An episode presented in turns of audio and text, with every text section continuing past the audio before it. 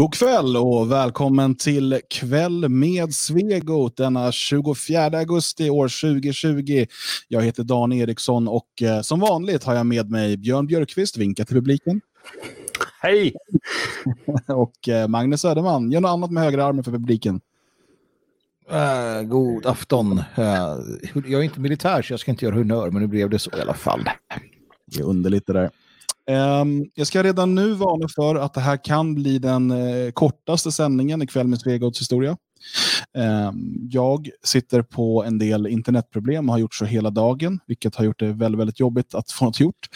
Uh, vår uh, producent eh, kan, kunde inte vara med här nu ikväll. Han kanske kommer lite senare på grund av att han har massa annat att göra. och Eh, det gör att läget är eh, allmänt förvirrat. Men eh, jag tror att vi ska kunna få ur oss ett eller annat ord ändå. Innan jag går över och ställer de viktiga frågorna till våra vänner så vill jag påminna om att det nästa vecka är avsnitt 100 utav Kväll med Svegot. Och det ska man ju fira. Och det firar vi genom att göra ett eh, annorlunda avsnitt. Eh, ett avsnitt där du som lyssnare eller tittare bestämmer innehållet. Vi kommer eh, köra som vanligt klockan åtta och eh, du kan då vara med själv. Man kan säga att du kan ringa in, men du kommer kunna klicka på en länk och vara med antingen med video eh, eller bara med ljud. Uh, varför ser du så uppgiven ut, Magnus? Fan, nej, nej, nej. Fantastiskt kul koncept där med inringning och fantastiska... Det är, alltså, det är alla konspirationsteorier, alltihopa. Ni får skälla ut oss, ni får hylla oss, ni får liksom spotta in i kameran och bara sitta och stirra på när ert saliv rinner ner. Allt får ni göra. Det är liksom helt fritt. Eh, ansvarig utgivare Magnus Söderman. Och eh, det är alltså nästa måndag klockan 20.00. Eh, redan nu, om man har tips på liksom ämnen eller frågor eller så som vi bör ta upp, så kan man mejla det till kontakt.svegot.se. Um, ehm, så har vi lite att starta med. Men under programmet så kommer vi svara på frågor från chatten och du kan vara med och ställa oss mot väggen eller diskutera eller vad du nu vill göra. Är du lika rädd som Magnus, Björn?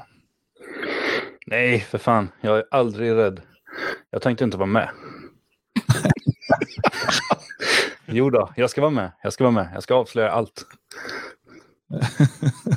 ja, det, det, det, vi får inte ljuga eh, under denna sändning heller, så att, eh, passa på. Vem ska kontrollera det? Liksom? Ja. Eh, det blir spännande. Vi kontrollerar varandra. Ja, det är härligt. Vi vet ju allt om varandra. För oss, vi har inga hemligheter för varandra, så där vet vi vad som är sant och inte. så jävla Jan, vad har du haft för dig sen senast? Uh, ja, jag vet inte, inte så himla mycket. Igår drabbades jag av panik när jag insåg att det var någon dag sedan man skulle ha skickat in sin sista artikel, eller sin artikel där till eh, Nationalisten. Så ehm, um, 23-tiden igår slog jag mig ner och skrev um, en artikel som var färdig att skicka in vid halv ett eller något. Många säger att det är en av de bästa artiklarna jag någonsin har skrivit. Uh, det får ni se. Det, det, är ingen som har läst artikeln så det, det, är ingen som säger det. Men uh, en fantastisk artikel blev det.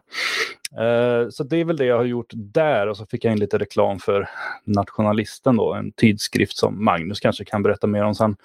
Utöver det så ja, sen sist vet jag inte. Precis just nu, i detta nu, så, så håller jag på att skapa en... Uh, kommer ni ihåg Lillstrumpa och Syster Yster? Ja. Uh, ja, det låter bekant. Men Lillstrumpa, det var ju han eh, Staffan Westerberg och så hade han, eh, den Lillstrumpa hade en judisk syster som Basia Frydman spelade. Med en jättehes röst så, här, så bara, lät hon hela tiden så här. Jag, jag vet inte, jag, precis när jag slog mig ner här så upptäckte jag att jag hade hål i min strumpa här. Så jag håller på med en muslimsk eh, eh, syster Fadime.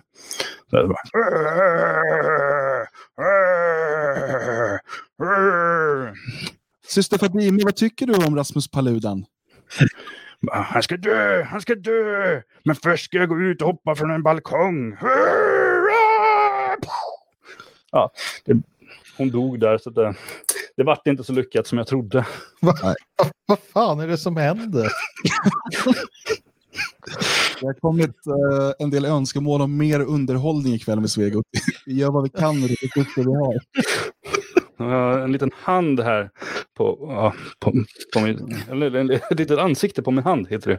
Inte en liten hand på mitt ansikte. Som jag ska sitta och titta på resten av. Du målar en liten hand i ditt ansikte. Det var ju också Kanske kommer nästa avsnitt. här under näsan precis, en liten hand. Ja, jag kan, kan göra så här. Ser ut som att jag kliar mig på näsan. Vad har du gjort då Magnus? Det här känner jag det, det blev inte... Förlåt. Eh, Magnus. Ja, Björn.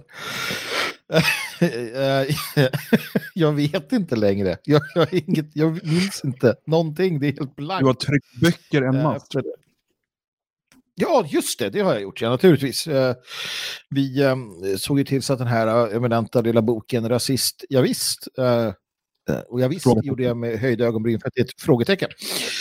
Um, kom, kom, eh, blev tillgänglig igen då och eh, ja, då swishade det till ordentligt. Va? Kan bero på att det var ett alldeles utomordentligt bra pris på den här också så att då passar man på Vultures ehm, och, och vill handla då. Så att det, det, det vart eh, över 200 böcker sålda på typ några timmar. Jag vet inte varför det alltid blir så där när jag är inblandad i projekt. Alltså. Det var samma med Det fria Sverige när vi körde igång. Då var jag med hundratals anmälningar. Mina böcker, hundratals säljs. Scen du är Jag vet inte vad det kan vara. Så det har jag gjort. Ja. och- nu är det nationalisten, men det kan vi prata om nästa vecka. Ja, just det. Det är veckan. Nu är allt inlämnat så nu ska det eh, sättas och designas och, och fixas och så vidare. Så att prenumeranter kan eh, få det här utskickat om ungefär två veckor. Så vi kan ju bara säga sådär, in på journalisten.se, teckna en prenumeration från det här numret och kan läsa den här legendariska texten som Björn skrev, som han la ner så mycket möda för att få klar. Eh, un- under en och en halv timme igår natt, eh, svintrött. Det kan inte vara dåligt. Den, den måste ni läsa. Den är, vad handlar den om? Björn? Ja, men, Ehm, den handlar om... Jo, jag berättar om några av mina barndomsidoler. Gör jag. Var det storpotäten? Nej, nej, nej, för fan. Povel Ramel och sådana. Um, Klas-Erik. Jag ska inte avslöja för mycket där, men det är fantastiska det, det, artikel. är en, det är en nyhetskrönika har, har jag kallat det för, eftersom det tar avstamp i ganska aktuella saker ändå, måste jag säsäga. Eh, och du ska inte... Det tar avstamp i, i, i, i, i, i Galenskaparna After Shave. Eh, det, det, det jag måste säga, Björn, vet du vad det är? Du ska inte vara orolig. Va? För att eh, Kardemumma, eh, ganska känd eh, ordsmed, eh, var känd för att, att eh, eh, jag tror att han, han lämnade alltid in sina alster precis, eh, precis eh, i sista sekund. Jämt. Um, och jag har lärt mig det nu som, som redaktör för det här, att det är all, alla som, som skriver till tidningar, de får en månad på sig och blir alltid en dag sena. Jag, jag vet inte vad det beror på, men eh, vi tillskriver det den här skapande processen eller någonting. Eh, alla utom en av våra skribenter, han är alltid väldigt snabb. Eh, mycket rekorderlig människa. Svensson kallas han, eller heter han faktiskt i efternamn. Um, alltid gott om tid eh, med hans verk. Mm. Men det är ingen fara, Björn. Bra. Härligt. Ser fram eh, emot läsningen. Och jag ser fram emot att träffa många av er på nyöppningsfesten den 5 september i Svenskarnas hus. Jag tänker inte göra någon vidare reklam för den, för det är fullbokat sedan över en vecka tillbaka. Va? Ehm, så att nästa gång, var snabbare på eh, boka-knappen så kommer du inte att missa det. Men vi kan väl säga så här, Magnus, att på nyöppningsfesten så kommer vi utlysa någonting som gör att du kommer få massor av chanser att komma till Svenska hus. Inte du Magnus, utan du också, men du som tittar eller lyssnar. Eh, massor av chanser att komma till Svenskarnas hus och vara del av den här härliga gemenskapen och höra intressanta saker. Eh, Så är det. Mycket mer än vad det har varit tidigare. Absolut Okej. eh, kommer det vara så. Eh, jag tänker att vi ska hoppa in eh, på kvällens ämnen och eh, jag hoppas att också vår producent snart hoppar in så att det kommer intressant text och sånt här under. För det tänker jag inte sitta med under sändning utan det får det vara sån här vaniljsändning helt enkelt. Jag kan Och vi ska börja... Ja, men det vore mycket... Eller om du skriver i ansiktet sådär som du tänkte först bara. Sen sudda snabbt och kan... När du ska göra sådana här Det blir rullar ju plottrigt. otydligt, men också spännande. Um, jag tänkte att vi ska börja med en, eh, en artikel av eh, Anders Lindberg. en ledarartikel i Aftonbladet. Eh, och det brukar inte intressera mig så jäkla mycket. Men när jag läste den här så tänkte jag att den här måste jag skicka till Magnus för att jag, jag vill veta vad han tänker om den. Och det är alltså en ledarartikel med rubriken, ja, den är väl Trump lockar med lögner och vit makt. Eh, men vad den handlar om är egentligen amerikanska inbördeskriget, eh, sydstaterna eh, och vad det här egentligen handlade om. Och, och Lindberg menar då att de som hävdar att eh, amerikanska inbördeskriget inte alls handlar om slaveriet, det inte var det primära. De har fel. Det här är en del av en historierevisionistisk rörelse eh, som kallas för The Lost Cause som, eh, som kom igång direkt efter eh, inbördeskrigets slut eh, och som är byggt på lögner eh, och det är tack vare de här lögnerna som man har kunnat resa statyer över Robert E. Lee och som man har kunnat använda eh, den här sydstatsflaggan och som man har kunnat behålla den här identiteten. Då. Eh, han går till och med så långt så att han kallar generaler och andra i, i sydstatsarmén för landsförrädare. Det är kul att det kommer från en socialdemokrat. Sådär. Eh, de är så landsförrädare. Eh, men, men vad tänkte du när du läste Lindbergs text, Magnus? Alltså, först tänkte jag att jag skulle bli arg, men sen ändrade jag mig för det, det hjälper föga. Han, han är så dum också så att det, det är nästan som att, att plocka eh, godis från små barn, även om man har lite beroende på vad man ser naturligtvis, eh, rätt eh, eller fel till, till del. Jag menar att kalla dem för landsförrädare, ja, det går ju inte att göra med tanke på det faktum att, att så att säga, det blir efter inbördeskriget kan vi säga ett nytt, ett nytt land vågar jag hävda. Det är ju flera stater som eh, in, in, blir liksom Även om vi hade en, en, ett, ett, ett, att somliga stater, då sydstaterna, gick ur unionen så blir det ju fler stater och det händer saker så pass mycket att, att jag vågar hävda att det som kommer efter inbördeskriget är ett nytt USA, ett nytt förenta ett, ett, ett, ett land. land. Mm. Um, och, och det gör ju, det att, gör ju att, man, man inte kan, kan... Nu av någon anledning så ekar jag. ekar jag. Och det kan jag inte riktigt förstå inte varför, jag förstå varför jag gör.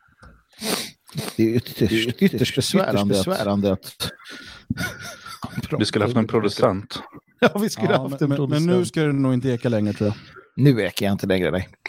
Nej, så det, det, är det ena, eh, att, att han har, har fel eller rätt. Naturligtvis utifrån hans perspektiv så har han ju helt rätt, eh, men utifrån vårt perspektiv så blir det fel någonstans. Så det blir väldigt löjligt. Det, det är ganska lågt hängande frukt som han försöker plocka och han gör inte det särskilt bra. Eh, han ger sig på en bra film också, Gods and Generals, eh, som han menar är en del av det här, eh, den här Eh, Eh, revisionistiska rörelsen. Och det är klart att det finns en sådan. Alltså sydstaterna som i allt väsentligt eh, är, man, man, kan säga att det är den här unionen, de här förenta staterna är verkligen en, en skapelse som eh, som inte är så där självklar, framförallt inte med sydstaterna som har i, inte ett eget språk men det är väldigt, väldigt särskilt från nordstaterna till exempel. Så det är verkligen ett imperium um, som vi har pratat om där många gånger tidigare. Jag vet inte ens om man kan se att det har ett existensberättigande på det sättet. Um, och det var ju det också som uh, den här unionen fick eh, hållas samman med våld, med, med, med, inbördeskrig för att de här staterna inte ville vara en del av det. Här hade man frigjort sig från Storbritannien, man hade frigjort sig från den här överheten, från den här kungen. Va? Och så skulle man helt plötsligt hamna under, under en, en federal regering med en president som skulle börja ta ut skatt istället och ställa till det för dem. Um, och, och, börja inskränka uh, de olika delstaternas lagstiftning och så vidare. Uh, så att, och det är där någonstans vi börjar se den faktiska orsaken till inbördeskriget. Det är dels att man inte vill vara en del av den här, um, den här federationen. Eh, man vill heller inte Ja, och sen, sen, har du en hel del ekonomiska saker naturligtvis. Eh, vad det gäller skillnaderna mellan nord och syd. Eh, slaveriet, till viss del fanns det med. Men det man, det man glömmer här, naturligtvis, eh, väldigt passande, det, det, är ju vissa detaljer som är historiska faktum. Eh, och det här kan du hitta om du, om du söker på dem. Till exempel det faktum att när det här inbördeskriget drar igång um, och ända fram tills det tar slut så, så fanns det stater som tillhörde unionen, tillhörde alltså nordstatssidan som hade slaveri, där slaveri var okej. Okay. Det var tillåtet. Eh, Lincoln och hans eh, politiker eh, genomdrev inte befrielsen av slavarna eh, ens, ens i de här delstaterna som då tillhörde unionen. Så de hade slavar. Eh, ännu högre upp, det här är då så kallade border states, eh, men även om du går ännu högre upp, alltså Maine, eh, alltså det uppe vid New England, eh, så hade du fram till 1909 tror jag eh, i lagstiftningen tillåtet med slaveri. Så att eh, så, så, så speciellt godhjärtade var de inte av det skälet. Och hela den här eh, befrielsen av slavar kan man också konstatera var en del av en krigförings en taktik i kriget, alltså att, att frige slavarna eh, så att 200 000 slavar tror jag det var till sist, eller 20 000, ursäkta jag minns inte, som, som sen blev en del av eh, Nordstatsarmén. Um, så, att, så att det finns en hel del eh, att ta på bara där. Och nu skrapar vi bara på ytan. Och det här är ju alltså historisk fakta som, som du kan hitta återigen då, i helt vanliga, eh, mm. ja, inte vanliga svenska historieböcker för de är så dåliga. Så. Men så tittar man på en sån som Abraham Lincoln till exempel. uh, så var han förvisso inte slavägare, men um, och, och, han delade med många andra uh, bland annat tar man upp Stonewall Jackson i den här artikeln, då, en, en sydstatsgeneral eh, som var emot slaveriet av moraliska skäl. Han tyckte det var otrevligt. Um, och han, han, han, menade på att det här kommer upphöra med tiden. Um, man kunde nämligen både vara slavägare och vara motståndare till slaveriet. Det här tror jag moderna människor kanske har svårt att begripa, men ja, för mig är det ganska naturligt. Eh, det handlade om ekonomi, det handlade om eh, en massa aspekter. Men jag menar, det var många som var emot det. Um, utav moraliska skäl. Men, men längre än så sträckte sig inte eh, Abraham Lincoln. Han tyckte till exempel inte att svarta skulle ha eh, rätt att rösta. Eh, han tyckte inte att de skulle ha rätt att sitta som jurymedlemmar eller eh, delta i politiska val och så vidare.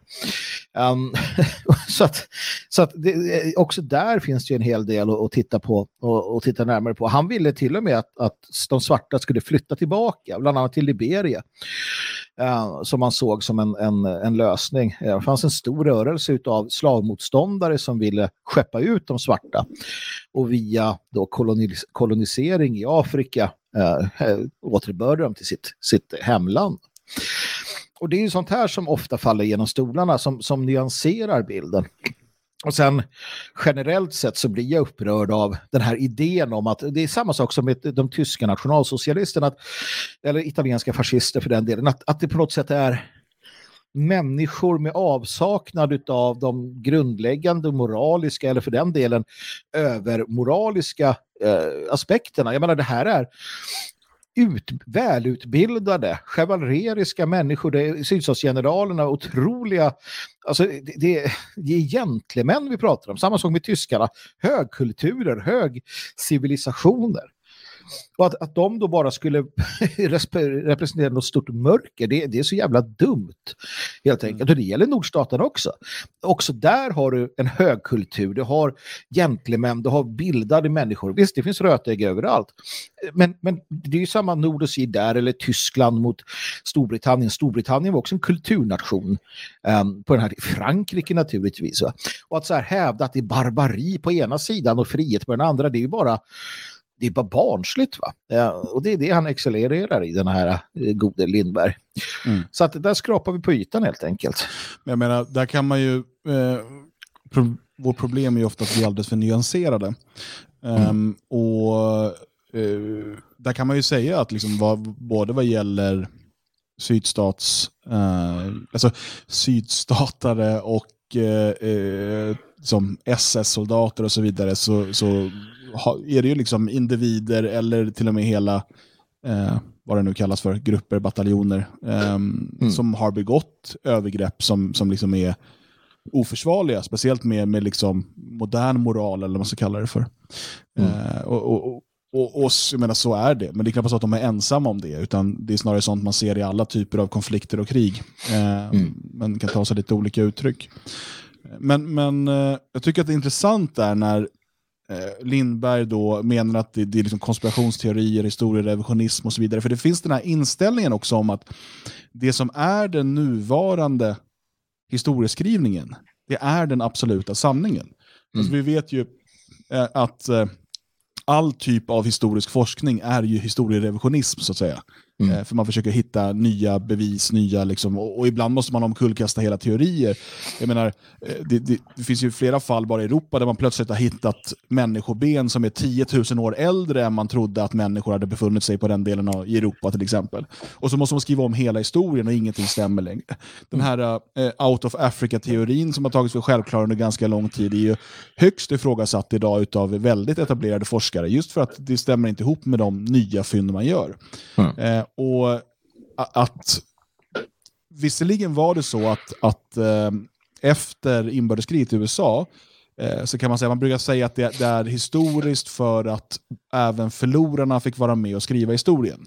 Ja. Eh, för normalt så skriver bara vinnarna historien. Men det betyder ju inte att det inte finns några felaktigheter i den officiella historieskrivningen eller nyanser som försvinner eller vad som helst. Den är fortfarande Nej. skriven ur ett segrarperspektiv. Och att då förlorarna i konflikten vill nyansera eller berätta sin historia eller liksom förklara. För att saken är, hade, hade sydstaterna segrat i inbördeskriget, då hade vi haft en helt annan historieskrivning.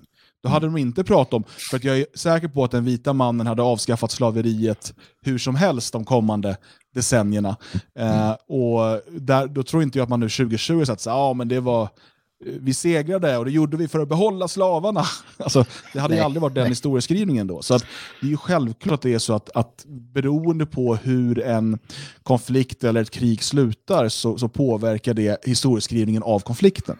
Så är det. Sen är det som, som alltså han, han verkar vara så förvånad över att, eh, att till exempel eh, eh, de här generalerna står staty, att man tillåter den här flaggan då, han kallar dem landsförrädare och, och så vidare. Uh, men, men där ser man ju återigen, det här var gentlemän som slogs mot varandra. När kriget väl är över, general Robert E. Lee till exempel, han, han blir en, en tung spelare i att försöka eh, jämka de två sidorna samman. Efter ett Problemet med inbördeskrig är att när du vinner, när någon vinner, så måste man börja leva med den andra sidan. Och här gör man det, man hjälps åt, man gör så gott man kan. Va? Bland annat via de här eh, generalerna. eh, flera av dem som, som deltar i det. Eh, och där kanske det var ett sätt för nordstaterna att, att visa att uh, nej men ni, kan, ni får fortsätta använda den här flaggan som då för övrigt var ett, ett um, fälttecken tror jag hos uh, sydstaterna till en början med. Det var inte en, en nationsflagga på det sättet.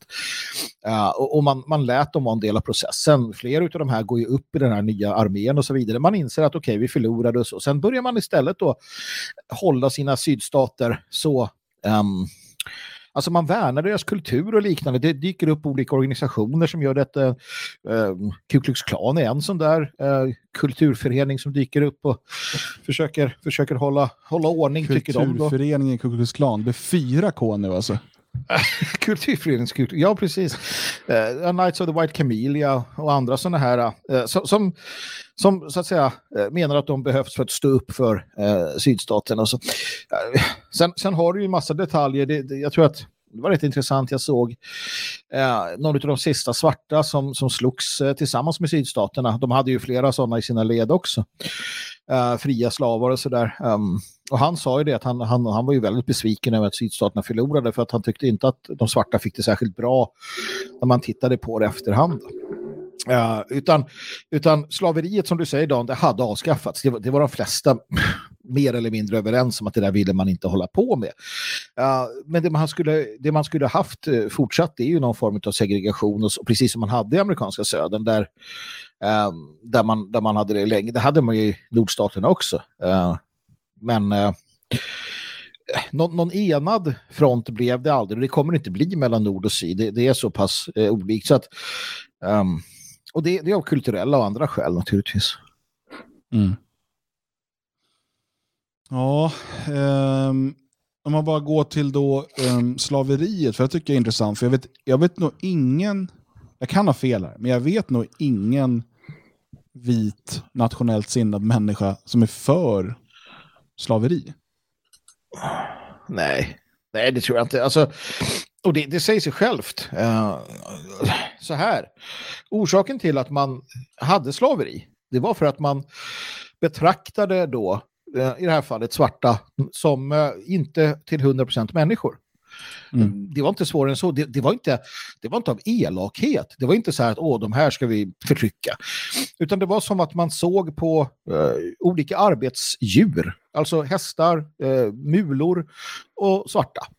Uh, för att man hade liksom inte, uh, man, man hade tänkt att det här var inte en, en 100% människa, människa är ju vi. Alltså precis som att uh, svarta i Afrika såg att människor, det var ju den stammen. Eller indianer, finns någon stam, deras så att säga, stamnamn betyder människa. De var människor. Inuiter tror jag, eller eskimoer, eller det, som, du, ja, precis där, där ordet för den egna stammen betyder människa helt enkelt. Precis, ergo ingen annan är människa. Det är därför man hållit på att förslava varandra. Och man har hållit på att jävlas med varandra på det här sättet. För att man ser inte den andra som en människa. Eh, den vita människan börjar göra det här. Börjar, uh, börjar, och det hävdar ju vissa tycker det är problematiskt att det sker. För det, blir, det öppnar upp för en massa problem. Men, men uh, det är bland annat en katolsk påve. Uh, ja, det finns inte så många andra påvar utom katolska. Men som, som, men som vid något tillfälle, och nu, nu, nu drar jag den hastigt historien. Han, han, det var några upptäckare som kom med en, en svart kille i princip framför påven och så här eh, frågar, är det här, den här killen här vi har hittat, är det en människa eller är det ett djur? Har han en själ eller inte? Och efter några om och men så säger väl påven att jo, han har en själ. Och i och med att han har en själ så blir han en, en människa eller delvis människa och så vidare och så vidare. Um, och, och, när vi slutar se uh, på andra människor som om de inte är 100% människa, då upphör ju också slaveriet efterhand. Va? Uh, och det är därför vi gör oss av med det. Det är därför det finns i andra delar av världen idag, för där har man fortfarande inte slutat se den här andra personen som en människa. Det är mitt svar på varför det, det blir på det sättet. Mm. Björn, har du något inlägg i debatten? Nej, ärligt talat inte speciellt mycket alls. Min, uh, kunskap kring ämnet eh, är betydligt mindre än Magnus och ehm, eh, jag tycker väl att det, det, jag har känt några gånger att det här vill jag ju stoppa in, det har han ju redan hunnit med nu. Så att, eh, nej. Jag tycker inte eh, det behövs heller. Vi behövde bara eh, liksom få klarhet i en del saker här med anledning av eh, Lindbergs skriverier. Eh, men eh, vi får väl hoppas då att om, om, om det är vit makt som Trump lockar med så får vi hoppas att han vinner då. Eller? Tycker jag, tycker jag. vit makt är bra. Tycker det inte är bättre med Joe Biden? Nej. Herregud. Man måste ändå säga, jag ska lämna USA här snart, men ja det ska vi inte helt, men, men i alla fall det här. Men att det är så tyst i vänster och liberal media och alla de här om att Trump är den första presidenten på evigheter som inte har startat något krig. Han är den första amerikanska presidenten på jättelänge som inte har startat något krig. Eh, vilket mm. borde vara en, en stor eh, sak som borde, menar alla de här protesterna man har haft mot alla möjliga eh, amerikanska krig. Eh, och det, nu har man äntligen en president som inte håller på att starta krig. Däremot har han dragit hem en massa trupper. Han har gjort en del eh, taktiska eh, bombangrepp mot Syrien där han har förvarnat innan och så vidare. Um, det finns en del saker man kan, såklart kan ifrågasätta och liksom hans Israelpolitik och sådär är nog inte den, den bästa för stabilitet i regionen. Men han har inte startat några krig. Eh, normalt sett skulle väl då eh, de här pacifistledarna eh, på, på ledarsidorna, de skulle väl hylla honom i det här läget. Men det har jag inte sett någonting av. Nej, det är intressant i sig. Ja en, alltså i, samband, i, samma, i samma anda där kan man konstatera att det är ganska nära till valet. Och i princip alla amerikanska presidenter har ju startat krig i samband med att det börjar närma sig val. Um, ja, eller, eller blandat sig i, hittat någon ny fiende. Men det har inte Trump gjort i det här fallet. Han skulle ju kunna göra det. Det är ganska lätt för USA att, att starta krig. Uh, men som du säger, uh, han har dragit tillbaka styrkor. Han har inlett uh, fredssamtal med talibanerna, med Nordkorea och så vidare. och så vidare. Sen kanske det inte har gått så smidigt som han hade hoppats eller världen, men i, alltså ärligt talat, i min värld så är, har världen vår planet under president Trump blivit långt mycket tryggare än vad den var under eh, Obama till exempel. Mm. Och, och, jag kan inte se, alltså, eh, prove me wrong, jag, jag, jag ser inte de hoten som, som fanns eh, på det sättet eh, nu som då. Nej. Ja, det är möjligt. Um, jag försöker att uh, mixa med chattens hjälp, så nu har jag höjt mig själv lite grann här och hoppas att, att de är nöjda, så att min, min volym var väldigt låg nämligen. Eh, så ni får gärna skriva hur det låter. Eh, producenten har dykt upp nu, det är därför det händer saker i bild, så att det rör på sig och sånt. Men, men eh, vi hann inte ljudtesta innan, eftersom att det inte fanns någon neutral part som kunde lyssna. Um, ja, men vi, det amerikanska presidentvalet, vi kommer komma in på det säkert när det, det börjar eh, närma sig. Vi har ett eh, nytt nationalistiskt parti också i USA, National Justice Party. Eh, går att se deras eh, eh lanseringstal på deras eh, hemsida och kanske få återkomma till det också. Ehm, men vi går istället vidare. Jag har jätteproblem med mitt ljud där, så att, eh, var snälla. Eh, och, och, Vi ska prata om det som är titeln för kvällens sändning, nämligen eh, den nya eh, filmen på Netflix. Den har redan visats på en massa festivaler och, och på bio i Frankrike och sådär. Det är en fransk film, den heter Cuties på engelska. Och den här har blivit uppmärksammad i dagarna. Um, och Det är inte så konstigt med tanke på att eh, den affisch, eller liksom den bild som Netflix använde för att göra reklam för den här, eh, var på ett gäng 11-åriga flickor i minimala kläder i väldigt utmanande posering och sådär. Eh, vi har valt att inte visa den bilden här idag, för man kan också bli avstängd från YouTube för det tror jag. Eh, det är faktiskt till och med så att eh, forumet 4chan har förbjudit den här bilden. Eh, för att 4chan, som då är så här, yttrandefrihetens högborg och, och där man sätter så mycket näthat och så vidare, eh, de tillåter inte eh, sexualisering ehm, sexualisering av barn eh, på sina bilder. Det gör däremot Netflix Netflix. Eh, för att man kan då säga, ingen av oss har sett den här filmen, den har inte haft premiär på Netflix än.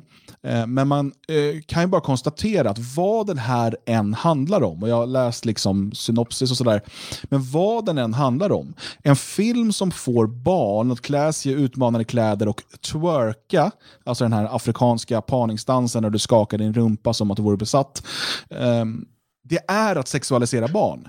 Även om filmen på något sätt vill problematisera det hela, vilket jag inte är helt säker på att den gör, eh, så är det att sexualisera barn. Det är att producera barnporr åt runkande pedofiler. Alltså, hur, vad som än är eh, som den, den eh, vad säger man, eh, som sensmoralen i filmen. Så varför producerar man den typen av bilder? Jag, eller, är jag helt ute och cyklar? Måste man producera barnporr för att kunna kritisera barnporr?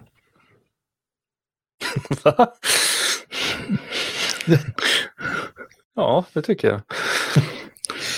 Eh, men ja, får, jag, får jag ställa en fråga till Björn här? Eh, för Björn är ju våran uh, yttrandefrihetsexpert. Uh, åtminstone är han yttrandefrihetsvurmare. Uh, för jag tänkte på det här, och, och uh, den heter då förut Snyggingarna på svenska, den här filmen. Uh, och, och, jag tycker den hamnar lite i samma, i samma fack som det här med manga, eh, manga eh, barnpornografin som det var diskussioner kring. Um, där man hävdar att ja, men först i det fallet och det fanns inga offer och så vidare och, och det är väl ett argument förvisso. Men någonstans så, så, landar man i att det här behövs inte. Alltså kort sagt, du behöver inte rita eller teckna eh, barnpornografi eller barn i, i sex, eh, sexualiserade ehm, eh, liksom, eh, sammanhang. Och någonstans så behövs menar jag inte den här filmen. Den behövs inte. Den här, den här typen av filmer behövs inte. Lite som, som eh, Dan är inne på där. Men du som yttrandefrihets eh, person, vad tänker du eh, med det? Nej, det här är ju svårare. Det här är ju betydligt svårare än om eh, någon ska få lov att bränna bilder med Magnus på. Eh, det är för. Men, men eh, Eh, ja, nej, jag vet inte. Det, det, jag har inte hängt med i den här debatten heller. Hela den här veckan har varit uh, väldigt fullt upp på jobbet här. Så att jag har sett glimtar och jag har sett den här bilden och så. Uh, det framträder ju en bild av någonting väldigt förkastligt. Vilken nivå det ligger på, om det är värt att förbjuda det får man väl se när väl filmen dyker upp. Inte för att jag tänker se den. Men, men Eh, andra lär väl göra det och ha synpunkter på, på innehållet. För att det blir ju lätt att det blir en slags moralpanik också som, som uh, eh, Mr Cool till exempel när han gjorde den här uh, låten. så, så, um, Vill du inte det... citera? Vilken låt? jo, jag behöver höra han... minst fyra, fem rader för att förstå sammanhanget. Jag kan inte, för jag tyckte inte den var bra. Jag tycker han i vanliga fall är väldigt bra och underhållande, men, men just låten Knulla barn tyckte jag inte var helt fantastisk. Jag vet inte om det är Simon Gärdenfors som har sänkt uh, det, det, det är det judiska inflytandet som gjorde låten dålig. Ja, jag vet inte, men jag tycker inte han är så bra mm, överhuvudtaget i alla fall. Uh, kan vara på grund av det judiska inflytandet. Jag vet inte. Men um, man måste ju alltid, alltid um, se allting i rätt sammanhang. Uh, och jag har inte sett det här i rätt sammanhang så jag, jag, vet inte. Det lilla jag har sett så finns det ingen anledning till att det ska produceras. Och, eh, ska det inte förbjudas så bör det åtminstone skapa en stark Eh, opinion i samhället mot det här företaget så att folk säger upp sina abonnemang så att man på det sättet eh, sätter stopp för, för det. Mm. Eh, lagstiftning är ju inte alltid den bästa metoden för att komma åt uh, olika uh, avarter. Även om det nog på senare år har varit det. Det är ju inte jättemånga år sedan barn barnpornografi faktiskt var lagligt i Sverige. Och det uh, krävdes faktiskt ett förbud för att få bort det. Och det var ju helt rätt. Mm. Jo, um, det, det är ju jag vet inte om det är en yttrandefrihetsfråga i första hand, utan det är ju så att Netflix som är världens största distributör av eh, filmer och serier eh, väljer att köpa in den här eh, och göra det, liksom, promota den och göra reklam för den. Och det finns så många lager av det. Dels har vi det här då eh, att det faktiskt, som jag har förstått det, då, är en massa scener på när barn eh, i liksom hotpants och, och minikjolar står och skakar sin rumpa mot kameran. Eh, det är liksom det ena. Det andra är, eh, liksom, för att det, det då riktar sig mot eh, pedofila runkgubbar. Och sen eh, de barn som ser det här, för visst, de, det är 18-årsgräns på den här filmen. Varför man nu har liksom dansande barn i sexiga kläder på en 18-årsfilm, ja, ja. Um, Eh, Eh, barn kommer se den ändå. Uh, unga tjejer kommer se den och så vidare. Uh, och uh, som, nu är de, alltså, okay, de, de, är redan översköljda med det här äcklet ifrån hiphop-videos och så vidare. Så att, liksom, det, det, det, är säkert inget nytt för dem. Eh, men jag vet ju hur det är Eh, vi har Netflix, jag måste väl säga upp det nu, eh, men vi har Netflix och eh, då min son som är sex år, han sätter på någon film där och så vidare. Nu har han för något barnkonto, men han skulle säkert kunna bara trycka gå in på mitt konto eh, och så skulle han kunna starta den här filmen. Uh, och tycka, vad är det här för intressant? Åh, oh, tjejer i kortkort. kort. jag vet inte. Men, men liksom, det, det, det, det, är så många lager av det här som, som liksom är fel. Um, och när man läser eh, vad filmen handlar om så är det alltså då den här eh, afrikanska muslimska tjejen eh, som eh, lär känna de här tjejerna som twerkar. Och hon vill också göra det, men hennes eh, tråkiga traditionella muslimska föräldrar försöker stoppa henne. Typ så. och, hon, och hon måste då på något sätt hitta någon balans i livet mellan det här moderna, eh, fria, västerländska som då symboliseras av barn som skakar rumpa eh, och det här gamla, traditionella som då symboliseras av hennes religiösa föräldrar. Men, men, en intressant sak där kan jag tycka är att där tilltalar man ju, och det tror jag man gör helt medvetet, uh, Katarina Janouch med flera. Uh, jag säger inte att hon uppskattar själva sexualiseringen av barn. Va? Men däremot hela den här idén om att, att vi ska ha en, en liberal inställning i, i Europa. Uh, visst ska man få hålla på med twerking och vi ska liksom även unga barn lära sig om sex och samlevnad och det ska och på olika sätt och vis då, i tidningar och man ska ha sexologer och skit. Va? Um, och, och, då tilltalar man en jättestor del av européerna. Alltså så kallad, i Sverige går de under begreppet Sverigevänner har jag lärt mig. Uh, den typen av människor som ser det här och liksom egentligen skiter i vilket, va? ärligt talat. Jag, jag tror att det är ganska många också som, som inte gör det, som inte bryr sig särskilt mycket. Ja, ja men vadå, det är lite, äh, det är väl inget, spelar väl ingen roll, det är betraktarens ögon och det går inte att, det går inte att göra, att göra liksom filmerna, man kan inte ha i åtanke att det finns inte några pedofiler där ute.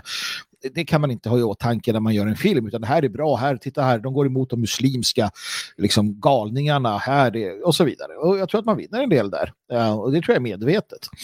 Så där har vi två grupper som gillar det här. Uh, pedofiler och, och sådana här uh, liberala liksom, uh, europister. Men, men, jag tycker nog ändå, jag, jag är ju också för ganska mycket yttrandefrihet, men jag tycker ändå att, att en, en lagstiftning som förbjuder eh, liksom sexualisering av barn är rimlig. Eh, den, den, ryska lagstiftningen som förbjuder liksom sexuell propaganda riktad mot barn, det är det man kallar för anti-homo eh, liksom, lag och sådär. Men den, den förbjuder ju all sån typ av eh, sexuell propaganda riktad mot barn. Eh, eller minderåriga. Eh, men, men jag tycker att det, det, är en, det, är en rimlig lagstiftning för att skydda, för att skydda våra barn, helt enkelt. Att, eh, och, och, som sagt, vi har inte sett filmen och det är mycket möjligt att sensmoralen är att, att liksom, sånt här ska inte barn hålla på med och det är för tidig sexualisering. Det är mycket möjligt att det är sensmoralen till slut. Men det är fortfarande så att man någon gång här också måste producera de här bilderna. Jag tycker att det här är, för det är ett, sexualisering av barn är ett viktigt ämne, men det finns liksom, tusen sätt man kan diskutera det på, och till och med liksom, på något sätt eh, liksom, göra en eh, dramatisering av det, utan att för den skull sexualisera barn. Ja, men, det görs redan tillräckligt i samhället. Det, det är som du säger, man, man, jag skulle kunna göra en film uh, som på alla sätt och vis tar upp problematik, problematiken med sexualisering av barn, uh, pedofili för den delen och liknande, utan att visa en enda uh, liksom olämplig scen. Det där är ju upp till... till det, ta, alltså ta ett, ett utmärkt exempel på en film som lyckas med det här, fast med ett annat tema, det är filmen Thank you for smoking. Mm. Uh, Thank you for smoking handlar om uh, uh, tobakslobbyn. Uh, och allt handlar om, om rökning hela filmen. Men de rök, inte en enda gång röks hela filmen. Nej. Det, det, är jäkligt snyggt gjort. en ganska bra film. Men jag menar, det går att göra och göra det snyggt. Och diskutera viktiga ämnen. Nu vet vi inte riktigt om det här kommer vara sensmoralen. det har påståtts ifrån det. Men något annat som jag tyckte var intressant i det här. för det har, det har blivit en trend numera när den här typen av eh, filmer dyker upp så är väldigt många på nätet numera snabba med att kolla upp okay, vem har producerat det, vem har betalat det och väldigt ofta, eh, för att inte säga nästan alltid, eh, så hittar man eh, judar bakom. Eh, och eh, det, finns, det har liksom blivit som en mem där man lägger upp så men den här personen har gjort det och så kollar man deras Wikipedia-sida så står det from a Jewish family och så är det liksom varenda jävla gång eller sådär liksom, är, är liksom memen. Och Eh, den här gången så började folk eh, rota eh, i det här också. Eh, och producenten hade bara sitt artistnamn med på, på IMDB, eh, som då var Sangro. Eh, men han heter då egentligen då Sylvain de Sangroni. Eh, och eh, han är då eh, fransk-israel och människorättsaktivist. det här stod det nämligen om på hans Wikipedia-sida. Han har också på sin Facebook skrytit om hur han har eh, liksom, gått 650 barn och fått twerka för honom då för att han ska hitta de bästa till den här filmen i castingprocessen. Eh, det är väldigt, väldigt otrevligt. Men det här stod på hans Wikipedia-sida. I samband med att det här eh, blossade upp, den här, liksom, när det började spridas den här bilden, så raderades hans Facebook-sida. Och inte nog med det, Eh, att den raderades. Alla spår av den, man, det finns på till exempel där Wayback Machine eller Internet Archive, eh, så kan man se hur hemsidan såg ut för en månad sedan eller ett år sedan. De, de sparar liksom, speciellt på Wikipedia kan man göra det. Och Wikipedia ska alltid lämna spår egentligen.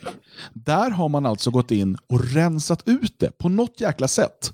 Har man lyckats ta bort alla spår av hans eh, Wikipedia-artikel. Som tur var hade folk hunnit göra det innan. Eh, och, och det går nästan inte att hitta någon information om honom. Han finns på Facebook, han gömmer sig inte på det sättet. Men all den här offentliga informationen är liksom omöjlig att hitta. Jag tycker att, alltså söker man på hans riktiga namn på, på typ Wayback Machine så får man noll träffar. eh, och han har ändå producerat filmer förut också.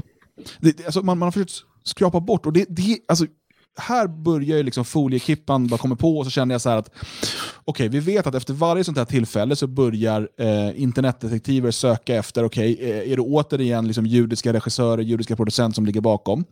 Eh, och, och, och, så blir det en mem och folk börjar sprida ut det här. Och nu var det så här, jäklar, det är ju en judisk producent. Nu tar vi bort all info om honom. Ingen ska kunna hitta någonting.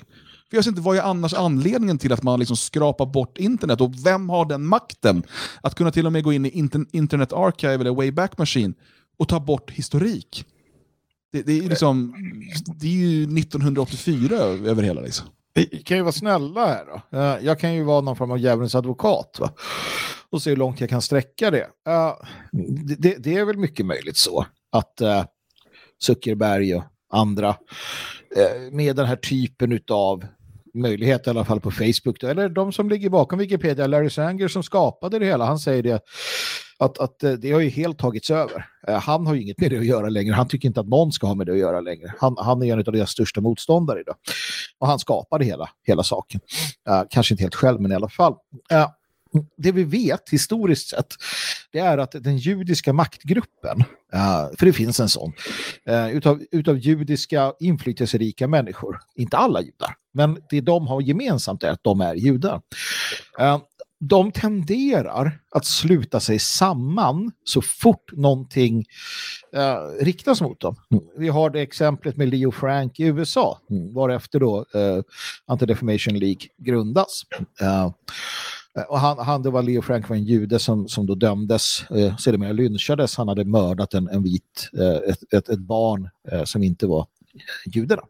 Och våldtagit henne också va? Ja, våldtagit henne och sådär. Mycket otrevlig historia. Ja. Alltså man kan Men... säga, bara, det vill poängtera här, ADL som är världens eh, mest inflytelserika antirasistiska och eh, vad säger man, anti-antisemitiska pro-judiska organisation grundades alltså för att försvara en dömd judisk pedofilmördare. Precis, precis. Det är därför man grundades. Ja. Det är därför man grundades då. Uh, innan det så hette man B'nai Brit och det var bland, då var man en, en frimurar, en, en judisk frimurorganisation. Jag vet inte om det var mycket bättre, men i alla fall. Så därför heter de numera Anti-Defamation League av B'nai Brit, för det är B'nai Brit som grundar den här. Då. Alltså judiska frimurare grundar en organisation. Ja, ni förstår. Men i alla fall. eh, och det här hände gång på gång på gång. Eh, när, när det började pratas om att eh, Jack the Ripper kanske var en, en jude. Då eh, flög man på direkt. Va? Eh, vad det än som händer så försvarar man då sina judiska olycksbröder runt om i världen.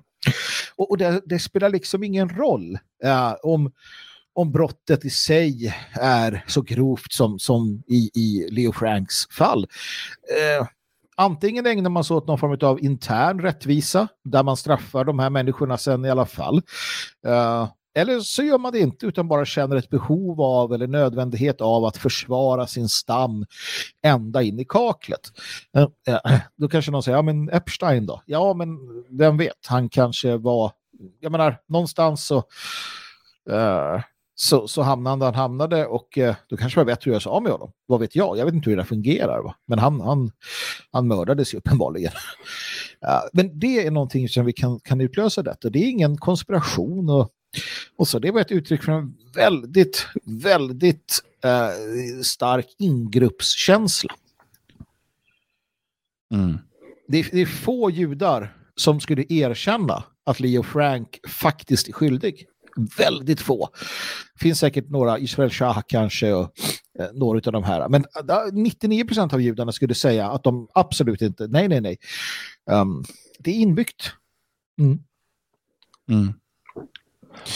Ja, jag vet inte liksom eh, eh, att um, regissören eller, eller producenten uh, menar är, är jude Eh, det är ju liksom en sak, men jag, jag, tycker just det här att man i det här läget går in och liksom raderar all information om honom och försöker göra det omöjligt att hitta den informationen. För, för mig så är det också ett tecken på att man börjar bli oroliga. Mm. Att man märker det, för att eh, jag förstår att jag lever i min filterbubbla och sådär, men jag tycker ändå att det här, så fort det är någonting nu så tycker jag att eh, folk hittar de här kopplingarna och så blir det liksom som en mem av det. Eh, och Det har säkert börjat liksom märkas eh, utanför min filterbubbla också. Eh, och Speciellt bland de här organisationerna och andra som, som lusläser nätet efter allt som de tycker är antisemitism. Eh, så har det här blivit väldigt tydligt. Ehm, så att, eh, för att det är också så att eh, Wikipedia ska normalt sett stå att eh, den här sidan är raderad och så vidare. Och Det enda du kan hitta på hans franska, eh, gamla franska Wikipedia-artikel, för den franska är också borttagen såväl som den engelska, eh, det är då på Wayback Machine, det är en, en spaning av där det står att sidan har raderats under de senaste 24 timmarna, men inget innan det. Liksom, allt är bara skrubbat från nätet. Och, eh, vi, vi återkommer till det hela tiden, men, men, för den som har läst 1984 så är det ju det precis vad Winston Smith jobbar med. det här ska bara tas bort för nu är inte det här sanningen längre. Det, nu är vi i krig med någon annan så att då måste vi få bort det här.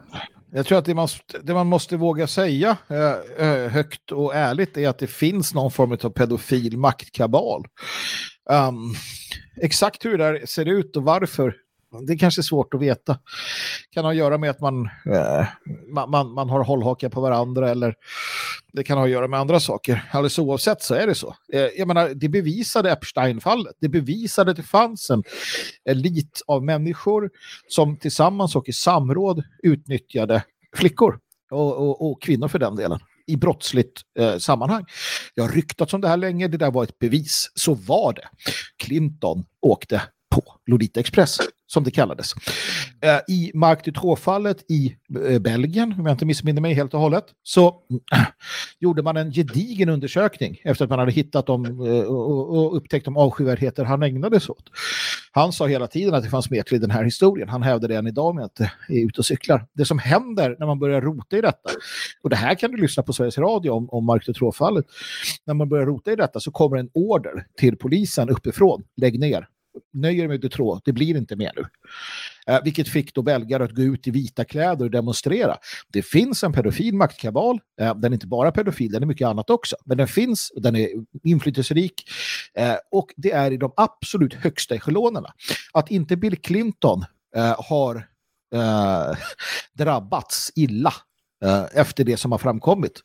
Eller andra som har med Epstein att göra. Det bevisar ju bara detta. Mm. Uh, det finns judar där, finns svarta, finns vita. Det, det, är, en, det, är, en, det är ett sammelsurium av, av människor. Men, men visst, så är det bara. Mm. Jo, och det har ju blivit uh, lite nästan allmän kännedom efter Epstein-fallet, även om det görs mycket för att liksom lägga, lägga locket på. Uh, och när du nämner med Bill Clinton, jag menar bara Uh, att han nu återigen var någon huvudtalare vid Demokraternas kongress, det är inte så konstigt eftersom att han har varit president, men med tanke på uh, alla de här 25 resorna eller vad det är med Lolita Express, med tanke på bilderna där han liksom får massage av ett av Epsteins offer och alla de här sakerna. Det är som kopplingarna hela tiden och alla anklagelser som finns. Att det, normal, normalt sett när, när det är någon som anklagas för någonting sånt och där det finns så pass starka indicier, låt oss säga, eh, så säger man att ah, då är det bättre om han inte syns för det kan skada oss. Men i det här läget så är det liksom, det, det, det är som att hälla vatten på en gås. Ja, men i den vanliga världen, bland vanliga arbetare, i vanliga umgängen, så, så, räcker det med misstanke om att en man har betett sig på ett sätt som inte är hedersamt mot en kvinna för att han ska egentligen bli kastad ut ur, ur det sociala sammanhanget. På arbetsplatser eller vad du vill. Här, här kommer Clinton undan med detta och många med honom. Ta bara det faktum att Kjell Rindar, hbtq-veteranen, äh, eh, står och in, inledningstalar på Pride för några år sedan. Han som var ansvarig för pedofila arbetsgruppen som drev frågan om att, att tillåta sex med barn i Sverige. Han är välkommen, han hyllas, han tas om hand av de här stora grupperna. Hela eh, hbtq-rörelsen är ju en, en, en gigantisk eh, apparat som i många fall eh, eh så att säga eh, lirar med den här kabalen jag pratar om. De vill ju samma sak i grunden. Det är helt uppenbart, helt klart. Mm. Um, att, att det är sexualisering, bort med prostitutionsförbud uh, och, och sen då gärna barn. Barn, barn, barn. Barn i skolan, barn ska vara med, barn ska eh, får köra könsbyten, barn är sexuella varelser och så vidare. Det är det enda de ägnar sig åt. Det, alltså det, tänk då att det finns grupper i varje västerländskt land som, som får statligt stöd för att ägna sig åt att göra um, för, för, att sexualisera barn. Det, det är sanningen. Det är precis så det ser ut. Uh, av otroligt många olika skäl så tillåts det och det sägs inte alls lika mycket mot det. Och det finns också naturligtvis konservativa så kallade Sverigevänner som applåderar hbtq-rörelsen som ser det som en allierad. Jag tillhör definitivt inte den skaran. Ja, och sen har vi ju de här eh, skärmdumparna som finns från ett, eh, det finns lite olika eh, när folk försöker prata med eh, Netflix-supporten. Eh, där man då dels eh, kritiserar den här filmen och sådär och försöker ja, förstå hur Netflix kan publicera det. Men sen är det också, det finns dels en som är på en, en, eh, alltså en, en, en direkt fråga eh, om man eh, om man eh, tar avstånd från pedofili och man svarar nej. Och på en annan eh, fråga, så i en annan chatt eh, med, med eh, supporten så är frågan Stödjer ni pedofili? Och svaret är något humbug då om att på Netflix så respekterar man alla religioner och deras kulturer, traditioner och värderingar. Och, och det, det, är det här eh, det är det här glidandet hela tiden. Och när jag eh, delade ett av det här på Twitter så, så var ett av svaren att, eh, eh ska vi se om jag, jag, kan hitta det så jag kan säga exakt, men, men eh, det var i alla fall så, så var liksom själva poängen, ja men så här, eh, pedophilia is a mental disorder diagnosis. What is Netflix supposed to say about that? It's like, like asking do you support schizophrenia? Så man liksom, det, det, går liksom inte att... Eh, och, och, och, det här är ena sättet då att säga, att det är ju bara liksom ett, ett mentalt tillstånd. Eh, och det kan man ju inte eh, liksom, stödja eller vara emot, utan det bara är. Och det, an det, andra då är att det här är en sexuell läggning. För det är ju det som, som pushas väldigt hårt nu från, från många olika håll. Eh, och då liksom, när man ställer frågan rakt ut till Netflix, stödjer ni pedofili? Då säger de att de, kan liksom, de har ingen åsikter om folks frivilliga val eller mental disorders eller vad det nu är. Eh, och, och, men det är där, det är så långt ner i kaninhålet vi är redan nu. Nej, men precis, och, och visst, eh, det kan finnas en, en, mening inom kriminalvården, inom rättspsykiatrin, inom psykiatrin att diskutera eh, pedofili. Det tycker jag. Eh, precis som de ska diskutera alla möjliga och omöjliga eh, problem som, som människor har. Um, och det är inte säkert att den frågan är avgjord. Va? Uh, det där väcker ju alltid uh, stora och, och, många känslor med, med all rätt. Va? Uh, det vi vet är att det finns människor som är sådär. Och vi måste, precis som i alla andra fall, komma fram till på vilket bästa sätt ser vi till att, att lösa de problem som finns. och jag är öppen för alla förslag i princip. Men det är inte upp till Netflix att sitta och, och, och, och resonera kring. Eh, jag menar, de, de, de ska se till så att man inte, eh, tycker jag, är delaktig i att sprida den här typen av skit helt enkelt. Uh, och, och, och det, alltså, det, finns ju inte inom ramen för en normal människas uh, liksom filmkonsumtion. Det finns ju bara en typ av människor som vill se detta. Det, alltså, för andra är det antingen helt ointressant eller liksom frånstötande. Uh, mm. Det finns bara en grupp som, som tycker att det här är intressant, som, som vill fokusera på att de här barnen då dansar på det här sättet. Uh, och, och, och, och, när Nej, men om, jag menar, i vilket, om, om jag går ut och ställer mig på stan och säger hej, jag vill se din, jag vill se en massa tioåringar, elvaåringar, tolvåringar, de ska lägga sig framför mig, ska de skaka på sina rumpor. Jag vill att de gör det. Massor ska göra det, hela tiden, jag vill se det. Då hade ju alla sagt, men du är ju sjuk i huvudet din jävel. Men nu helt plötsligt så, så, är det inte så. Det är naturligtvis att man, visst är man det. Det är ju något fel på dig om du vill se detta. Jag menar, hade jag sett ett barn, då hade jag sagt, kan du sluta med det här? Så här beter man sig inte. Du är inget djur, liksom. Eh, eh, det är det man ska säga till de här människorna. Ni är inga djur. Sluta hålla på och skaka med era jävla arslen. Dansa tango eller någonting i sådana fall. Björn, tango mm. eller twerk? ja, eh, jag föredrar nog tango. I... Finsk eller argentinsk? Ja, finsk tango uh, i, i, så fall. Framförallt på bröllop så tänker jag att tango gör sig mycket bättre än uh, twerkande. Um, Bröllopstango, vals är det klassiska, men... Uh... Ja, val, vals, ja, jo, men om du får välja mellan twerk och tango. Ja, det är tango. Uh, så är det det. Tanga. Ja. Nej, men tittar man på, på, på inte bara det här, utan jag, jag tycker man ser eh, en förskjutning överlag. Vi har ju i, i Pride-rörelsen till exempel eh, de riktar aktiviteter till barn. Jag, jag besökte den där Pride-parken i Göteborg för några år sedan två, tre år sedan. Eh, då hade de ju så här, i, i ena marknadsståndet så stod de och sålde massa sexleksaker och sen bredvid så var det en leksaksaffär som sålde vanliga leksaker till barn. Och så här, och meningen var att man skulle gå dit hela familjen och ja, hitta de leksaker man ville ha och kanske prata med varandra om de olika eh, sakerna man såg. Och mm, det, det är ju så absurt att man inte kan låta barn vara barn utan att man måste hålla på med den här sexualiseringen. Och det här är ju någonting som eh, Nambla har hållit på med i, i årtionden. Eh, alltså den, världens största öppna pedofilorganisation som under i alla fall en period hade väldigt stort stöd ifrån kända, eh, framförallt judiska amerikaner som, eh, vad heter han, Allen eh, Ginsberg till exempel. Och de har ju talat om det här i årtionden, de har försökt förskjuta, de har pratat om eh, eh åldersrasism, när man inte får lov att eh, antasta minderåriga pojkar. Eh, och argumentationen har varit väldigt, väldigt lik den som eh, RFSL och liknande grupper har använt när de har kört eh, alltså böglobby-argumenten. Det, det, det, är två rörelser som går ihop på så många sätt såväl åsiktsmässigt som argumentationsmässigt och även eh, när det kommer till enskilda individer som överlappar de här rörelserna fram och tillbaka. Så, så det är ett fullständigt naturligt steg.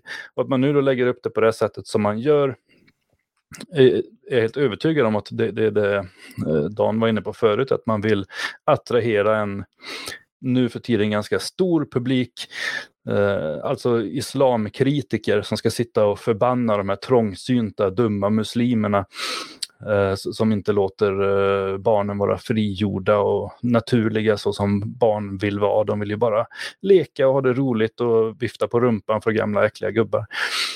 Eh, jag tror det är en bra målgrupp att nå om, om man vill nå ut med det här. Men, men ehm, Ja, jävligt uh, obehagligt.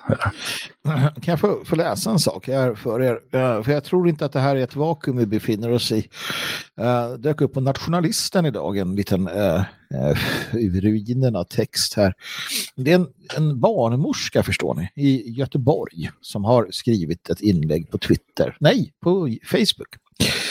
Och, och tänk nu, nu har vi haft och sexualisering och ni vet sexualkunskap från när man är jätteliten och man ska liksom ha bilderböcker när man är barn med snusk och sådär och det är snusk överallt och, och det är inte så här att mamma och pappa kramas och så kommer en bebis utan det är så här mamma, mamma och pappa och sen så röker vi marijuana också eh, eller vad det nu kan tänkas vara. Ja, och då tänker man, gud vad fint, allting måste ju bli jättebra med det här, eftersom det är progressivt och vackert. Men så läser man vad den här eh, barnmorskan beskriver. Då.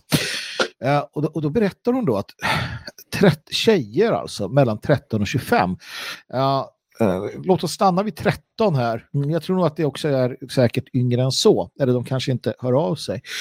Men tjejer alltså, så unga som 13 år gamla, söker hjälp för samlagssmärtor, citat, slutcitat, som kommer sig av, citat, hårt sex, slut, citat. 13-åringar Alltså 13-åriga flickor som söker barnmorskans hjälp eh, av det här skälet. Och det här då trots att, att vi har haft den här progressiva, liberala, fina världsordningen. Alltså det är det här det leder till. Feminismen, sexuell frigörelse, eh, yeah, go sister, handhjärta, styrkekramar. Hela den här jävla eh, luciferianska skiten det slutar med det här. Um, och nu får vi då uh, sötnosarna här, eller cuties eller vad det hette, som ska twerka på tv på bästa sändningstid. Det vill säga när du vill se det, för att det är fritt att se uh, i streaming och så vidare. Och, och och eh, de här jävla Nambla och deras symboler som, som dyker upp på leksaker. Och jag vet inte allt jag har läst och sett. Uh, det, det, det, är en jävla galen värld. Va? Uh, och det här kan vi inte bara låta passera. Va? Uh, på något sätt så måste vi ju säga ifrån. Mm. Ja, nej, och det, det, är viktigt att lyfta det här och, och göra folk eh, medvetna om det. Och för alla oss som har barn så är det ju en sak att, att, att verkligen tänka på. Um, jag eh, borde väl säga upp Netflix-abonnemanget i, i protest här, men eh, om jag inte gör det måste jag åtminstone hålla en jäkla koll på vad, vad barnen tittar på. Eh, det är ju också det att de kan ju sen bara vara hemma hos någon kompis och titta där. så att det måste ju, det, det, handlar inte bara om föräldraansvar, utan det här måste ju skäras av i roten. Så det här måste bort. Ja, den här typen, alltså... Alltså, och, och, att, att det inte finns ett eh, förbannat folk som ställer sig upp och skriker och, och är redo att slåss när de ser hur eh, liksom, de här eh, prånglarna eh, kör ut sina, eh, ja, i det närmaste barnporr eh, i varenda eh, tv runt om i världen. Det, det, det säger något också. Ja, men det, det, det, är ju, det är ju, någon, det är någon, någon form av, av attack som pågår. Jag, jag vidhåller detta. Um, för att det, det är inte ett isolerat, en isolerad företeelse utan, utan det är någonting på gång här eller någonting som pågår. Vi hade Hasbro till exempel, stora leksakstillverkaren som lanserade en docka. En docka som en, när du satte den ner då trycktes det in en knapp mellan benen på den så att den stönade. Uh, och, och eh, flera föräldrar i USA som var vad fan är detta? Um, och, och hör av sig till Hasbro. Uh, och det blir en sån här och de drar tillbaka alla dockorna och så här oj nej men det var inte alls tanken. Det var bara att det skulle vara liksom ett så här eh, skönt att sätta sig ner och nu inser vi att, att det hamnar lite fel så här. Nej någon designer där, någon som har gjort det, det är någonting som, som inte är som det ska. För att det är inte vi som är överkänsliga. Uh, jag tillhör definitivt inte gruppen som är överkänslig och letar liksom, uh, elände, snarare tvärtom. I, med, med tanke på det jobb jag har så gör jag allt jag kan för att inte hitta eländet. För att jag, jag gör allt jag kan för att, för att sl inte slå ifrån mig, men för att hitta andra förklaringar eller andra um, andra orsaker av det enkla skälet att annars skulle man dränkas i en våg av galenskap och, och vedervärdigheter. Va? Ja, så att, så, att eh, så är det ju som, som du var inne på där Dan, det här med Netflix-abonnemang hit och dit. Va? Uh, böcker på dagis i skolan. Mm. Eh, har den här typen av innehåll, har den här typen av, av på, påpekanden och påståenden, lite beroende på hur, hur mycket otur du har eller inte. Uh, så att det finns överallt. Det här kräver en politisk lösning, det krävs att folket säger ifrån. Det, det är det enda sättet, annars kommer det fortsätta ner i pedoträsket. Mm. Ja, eh, vi ska ta en eh, musikpaus. När vi är tillbaka så ska vi prata om eh, Sara eh, Skyttedals dubbeltrubbel. Dubbellycka heter det. Eh, och eh, sen så ska vi också prata om lite om Förintelsemuseet. Eh, det är väldigt, väldigt populärt nämligen. Det är många som vill ha ett eh, lite här och var. Ehm, så får vi se om vi hinner med att prata lite om såväl liberaler som Stefan Löfven också. Men först så ska vi lyssna på någon som jag tror eh, eh hade varit riktigt förbannad på på Netflix nu. Men samtidigt inte så förvånad för han vet vad det är för onda krafter som, som styr. Uh, vi ska lyssna på Carl Klang och Blinded by the Lies och sen är vi tillbaka.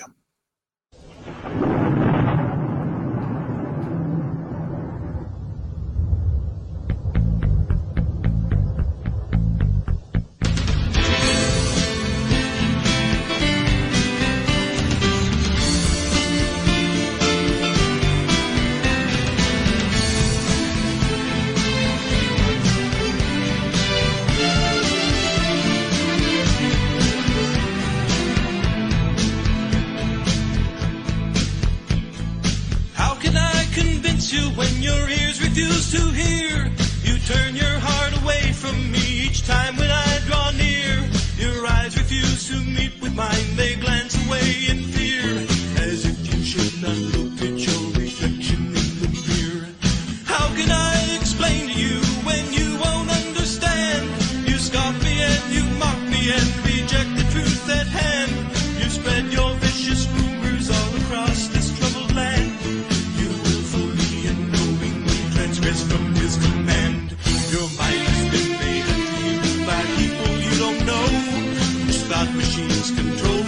So well it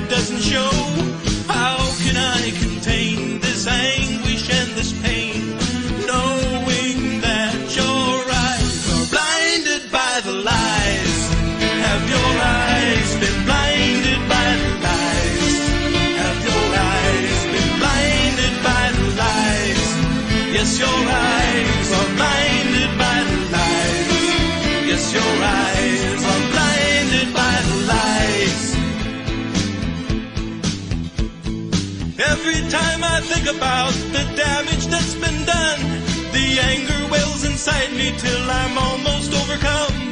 I want to tear the moon out of the sky and drop the sun. Why do I feel so all alone like I'm the only one? Even though your eyes are open, they may never ever see. Your mind may never comprehend this sinful subtlety. Your heart may never hunger for the truth that sets you free. Your soul may know the darkness of divine eternity. Like petty thieves who plunder in the shadows of the night. They break inside and enter through the windows of your mind. How can I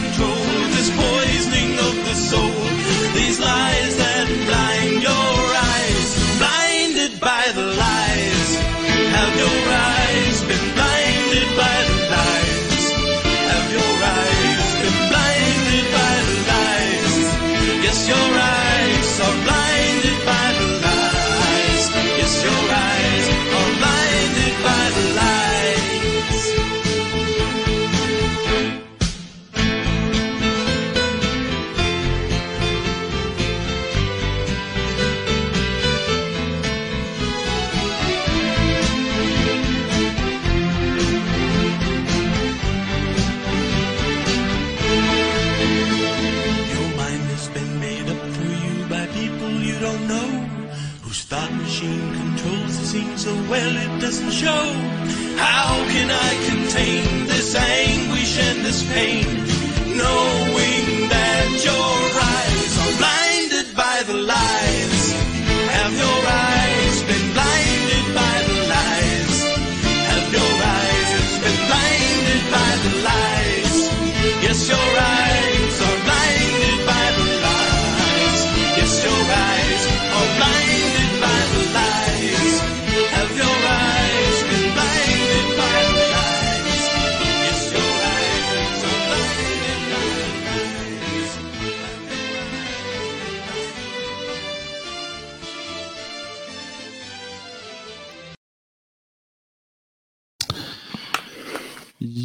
till välkomna tillbaka. Imorgon den 25 augusti så är det löning. Så töm era bankkonton, skicka in dem till husfonden. Eh, det behövs. Varenda krona går till att fortsätta renovera och bygga upp svenskarnas hus. Dels det i Algarås, men eh, framöver också runt om i Sverige.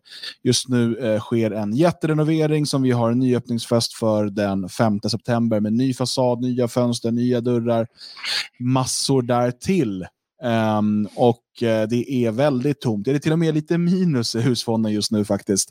Vi ligger ute med lite pengar, men uh, vi är säkra på att uh, du också förstår hur viktigt Svenskarnas hus är. Så in på detfriasverige.se gå ner till husfonden och lämna en gåva. Där finns också redovisning av varenda krona som har kommit in och gått ut ifrån husfonden så att du kan följa vart pengarna går någonstans. Detfriasverige.se någon som inte är medlem i Det fria Sverige, eh, det är Sara Skyttedal. Det är jag rätt säker på. Jag brukar normalt sett inte uttala mig om, eh, jag har ju tillgång till medlemsregistret, men, men just eh, Sara Skyttedal, detta kan jag då eh, berätta att hon är inte medlem. Det kom ju som en nyhet för mig. ja, om det var någon som undrade. Jag har ju- Expo gör stort av det här, kanske. Trodde ju att det var... Ja, nej okej. okej. Det är en annan Sara Skytte. däremot, Sara Sjöström, däremot, simmerskan, hon är medlem. Eh, men ehm, Sara Larsson hörde jag var, var, med på ett hörn där. alla som heter Sara, utom Sara Skyttedal, är medlemmar. Eh, Sara Leander, hon är med. Men, men okej, eh, Sara Skyttedal eh, la upp en bild på eh, Twitter, eh, och, tror jag det var, eller Facebook, någonstans på, på, på internets och eh, berättade att eh, hon skulle få tvillingar. Eh, där stod hon tillsammans med eh, sin pojkvän. för som jag förstår det är de varken förlovade eller gifta, så jag säger pojkvän, ehm, som eh, var, ehm, vad säger man? Vad säger man? Vad säger man? Av det mörkare slaget.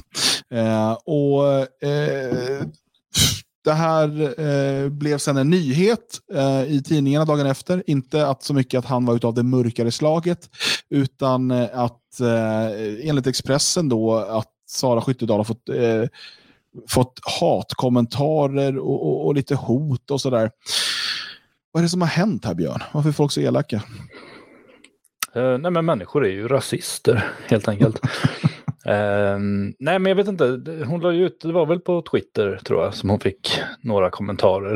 Uh, jag har inte sett eh, så många av dem, utan eller jag har bara sett dem som Expressen publicerade. Och bara det var ju lite intressant för att uh, hon blir ju intervjuad och förklarar att Uh, det, det känns obehagligt att uh, det, det finns människor som önskar livet ur mina ofödda barn. Mm. Och det får man ju förstå henne, att det är såklart inte så roligt. Eh, även om hon då, som hon sa, hellre fokuserar på alla positiva kommentarer som hon hade fått och de var ju fler. Men Expressen väljer att helt strunta i alla de här de kommentarerna. Alltså det, det, ska ju tydligen ha rasat in liksom eh, förhoppningar om eh, ond bråd död och liknande. Men nej, Expressen publicerar ingenting sådant utan de publicerar bara tre kommentarer som i princip går ut på att eh, hon har rasblandat, eh, hon eh, är inte längre en del av den eh, svenska folkgemenskapen och hennes barn blir inte svenskar. Eh, vilket är ganska långt ifrån, skulle jag hävda, det, att, att vilja döda någon. Jag menar, jag har ju fan kompisar från Danmark och jag kan ju säga till dem att du är ju dansk. Det, det är ju inte, han tar ju inte det som att jag vill ha ihjäl han, utan det är ju mera att han, ja, jag är, eh, ja, hur de nu låter, det är ju jävla gurglande ofta. Men, men man vill ju inte döda alla människor som inte är svenskar. I alla fall vill inte jag det. Jag vet inte hur det är med Expressen. För att det är de enda exemplen de tar upp och antagligen är det de enda exemplen som har kommit. Så att jag skulle tro att eh, Sara Skyttedal har fått några negativa kommentarer och sen spinner hon vidare på det och utvecklar det till någon enorm... Alltså, hon ser framför sig att det kommer stå människor med såna här klandräkter och brinnande kors och så här bara kom ut nu och stå med såna här snaror. Och så bara kom ut nu så ska vi hänga upp dina två barn så fort de... Alltså utanför BB kommer de stå. Så, här, mm, istället, istället för att de kommer in med den här brickan med en svensk flagga och någon bulle och någon sån här saft Eh, efter förlossningen så kommer klanen inmarscherande där och sjunger någon sån här Lucia-sång. Och så bara, nu tar vi dina barn. Och så, jag vet inte, jag, jag spårar ur här, men det är så jävla konstigt att, att, att ett konstaterande att barnen, att barnen blir ju inte, eller ja, de blir väl halvsvenska då. Eh, vilket man väl kan se som att de är inte svenskar. Att ett sånt ganska enkelt och rakt konstaterande ska tolkas om som att man vill döda dem.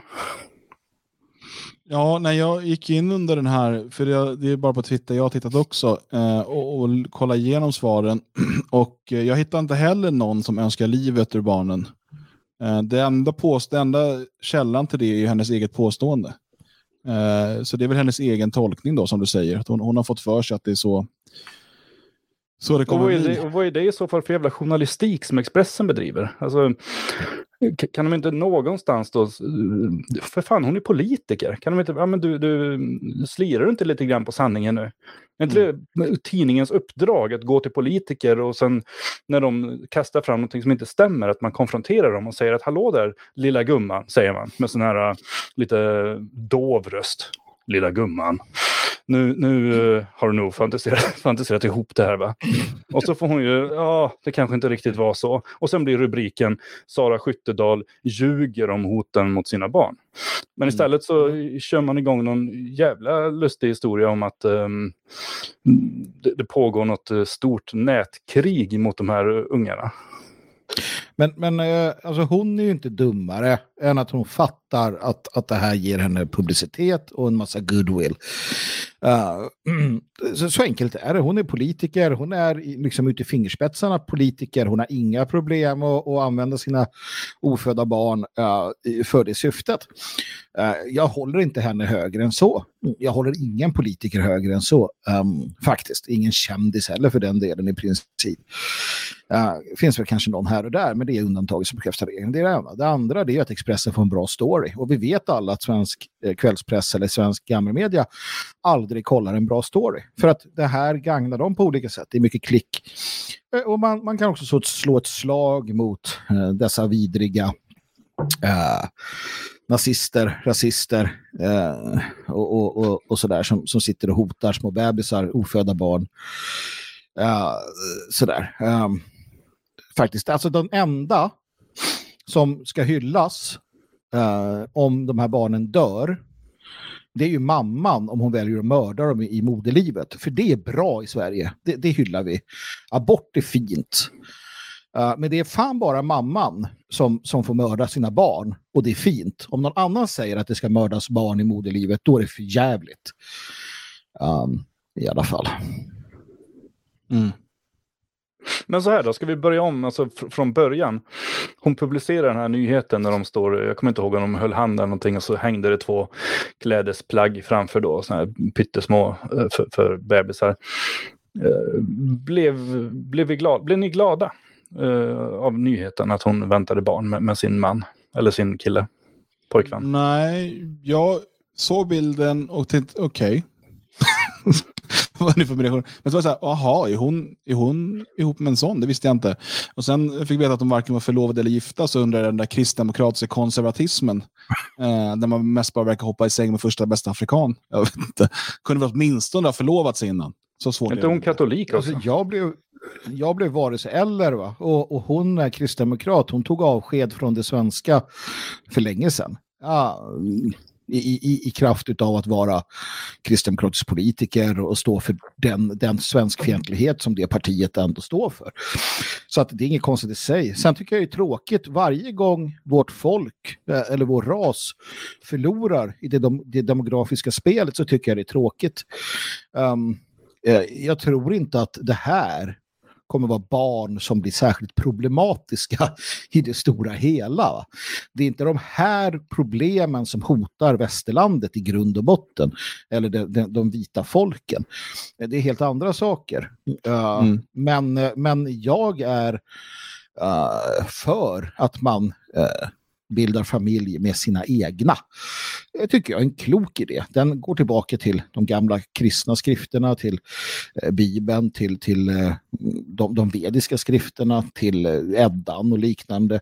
Varenda tradition, varenda, vartenda system i princip genom den mänskliga historien har sagt att det är bättre att du är med dina egna. De här 30-40 åren utav Eh, andra idéer är ju i princip en, en, en parentes.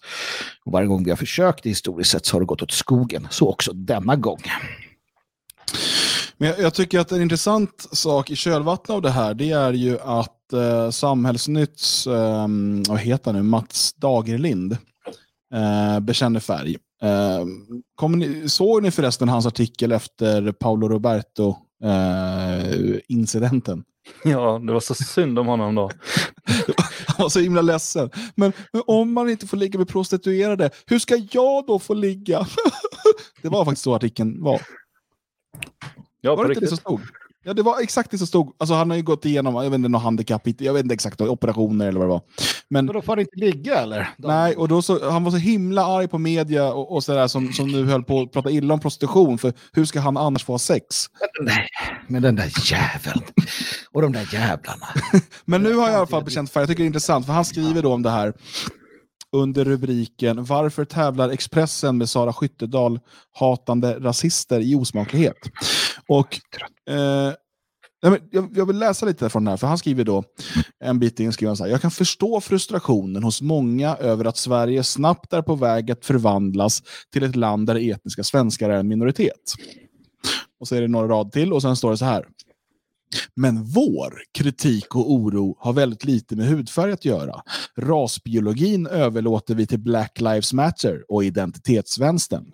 För oss handlar det istället om vad landet klarar av i påfrestningar på samhällsekonomin och våra offentligfinansierade välfärdssystem, de växande sociala problemen, den skenande brottsligheten, den ökande otryggheten på gator och torg, kulturkrockarna, religionskrockarna, värderingskrockarna. De här krockarna kan förstås uppstå också i kärleksrelationer över kulturgränsen. I värsta fall med ödesdigra konsekvenser som för styckmördade Vilma Andersson. Men inte heller då talar vi om hudfärg, utan om kvinnosyn och avsaknad av integrering. Var är min hora? Eh, nej, det stod inte där, men han så. Nej, det där Ehm, la du till. Det la jag till. Förlåt Mats. Ehm, det är väldigt tydligt i alla fall får man ju säga. Han kan förstå att folk är frustrerade över att svenskarna håller på att bli minoriteter i sitt eget land. Men vår kritik, vår här i det här fallet är då samhällsnytt antar jag, eh, har ingenting med hudfärg att göra, eller väldigt lite med hudfärg att göra. För det, sånt där håller Black Lives Matter och identitetsvänstern på med. Utan det beror på samhällsekonomin och integrering. Det är det som allting handlar om. Samhällsnytt, det har med integrering att göra. Pengar. Om svenskarna alltså- blir minoritet gör inte Mats någonting. Han, eh, han har ju, antar jag, inga barn själv. Han är liksom klar. Han ska möjligen köpa sig möjligheten att göra barn framöver, men, men eh, jag tror inte det blir några barn på den vägen heller. Han eh, är liksom färdig. När han dör så är han slut. Han, eh, jag tror inte han är troende heller, så att han är färdig när han dör. Därför skiter han fullständigt i hur det går för svenskarna om hundra år. Han tycker det är jobbigt om, om det är lite kriminalitet idag, eller mycket kriminalitet, det är det ju faktiskt. Han tycker det är jobbigt. Han, han, han blir lite bedrövad när pengarna inte räcker till allting. Uh, han, han ser hellre att vi arrangerar uh, prideparader för, för statens pengar eller förintelsemuseer eller sådana viktiga saker än att ehm, uh, vi, vi lägger pengarna på muslimsk invandring. För muslimerna är ett hot mot, mot den friska livsstil som han vill ha. Och därför så struntar han fullständigt i att om hundra år, om det bara traskar runt en väldigt massa människor, människor som, jag måste akta mig för lagstiftningen, men människor som man i alla fall tidigare framförallt förknippade med andra världsdelar, om de går runt här. Han struntar fullständigt, han fattar antagligen inte bättre. Alltså det, det ses ju självt att om man tar alla människor ifrån något afrikanskt land och placerar i Sverige så kommer Sverige också att bli väldigt likt det afrikanska landet. Inte bara till kultur utan även till eh, ja, förmåga att driva ett land framåt. Han- Den här formen av retorik, där, där lyfter man ju ofta fram att eh, ja, men titta på muslimerna. Det, det finns ingen lyckad eh, demokrati i något muslimskt land. Ja, men finns det det i något kristet afrikanskt land då? Alltså, det handlar ju inte om religion, det handlar väldigt lite om kultur, det handlar om ras. Ras är allting. Jag tror egentligen att han fattar det någonstans innerst inne, men han bryr sig inte därför att han är slut snart, han är färdig. Han är, snart är han död, nergrävd och då bryr han sig inte längre om vilket samhälle som kommer finnas kvar åt alla andra. För att även om det är en väldig massa välintegrerade svarta människor just nu som, som driver runt och har anammat det svenska samhället så kommer deras barn och barnbarn och barnbarn så småningom att driva landet vidare till det som det, deras folk har skapat på förra kontinenten. Det är inte svårare än så. Det, det är inte så att svenskarna var helt efterblivna, vandrade hit, anammade en färdig kultur med, med surströmming och julgranar och så skapade vi en underbar demokrati som kanske då förvisso har spårat lite grann nu på slutet med muslimsk invandring. Utan det är ju vi som har skapat allting. Vi har ju gjort allt det här på grund av att vi är vi. Och vi har också skapat vår kultur. Kulturen är en produkt av oss, inte tvärtom. Som, som han försöker påskina här och jag tror inte ens att han tror på det själv för det är så dumt. Mm. Det, det intressanta är ju, tycker jag, att han... För vi pratar ju vetenskap här. Man kan, man kan säga att det har gått ner lite nu på senare tid kanske. Men det är ju i grund och botten så att ärftlighetsläran är giltig eh, på människor precis som på hundar eller på katter eller vad du vill. Så att i, i grund och botten så är det en fråga om hur mycket främmande eh, DNA kan ett folk eh, klara av. Det, det är inte svårare än så. Och där finns det, har gjorts en del forskning tidigare. Eh, efter 50, 60, ja, slutet på 60-talet slutar man väl i princip med det. Även om det sker idag också under lite täcknamn och sådär. Uh, genetikerna vet vad de pratar om när de pratar med varandra, men de vet att man inte får prata om det här så att man, man kallar det lite annat. Men alla vet ju det här. Och och, och det finns, eh, det finns liksom svart på vitt. Si och så många generationer bakåt spelar roll, si och så många generationer bakåt spelar inte roll. Eh, si och så många barn måste födas för att ett folk ska upprätthålla sin, sin existens rent biologiskt och så vidare. Det, det är inte... Eh, Dagerlind gör ju precis som, som, som eh, vilka liksom pissliberaler som helst och förnekar verkligheten och eh, anammar någon form av tabula rasa-dumheter. Um, och, och, där går, går han bet helt enkelt. För vetenskapen är de facto vetenskapen i det här fallet. Och jag är klar med Dagerlind. Um, precis som han, han är väl klar eh, också som Björn var inne på det. Va? Men, men uh, jag tycker att det var så extremt dumt det han skrev där. Så att, uh, skönt att slippa samnytt i alla fall i fortsättningen. Mm.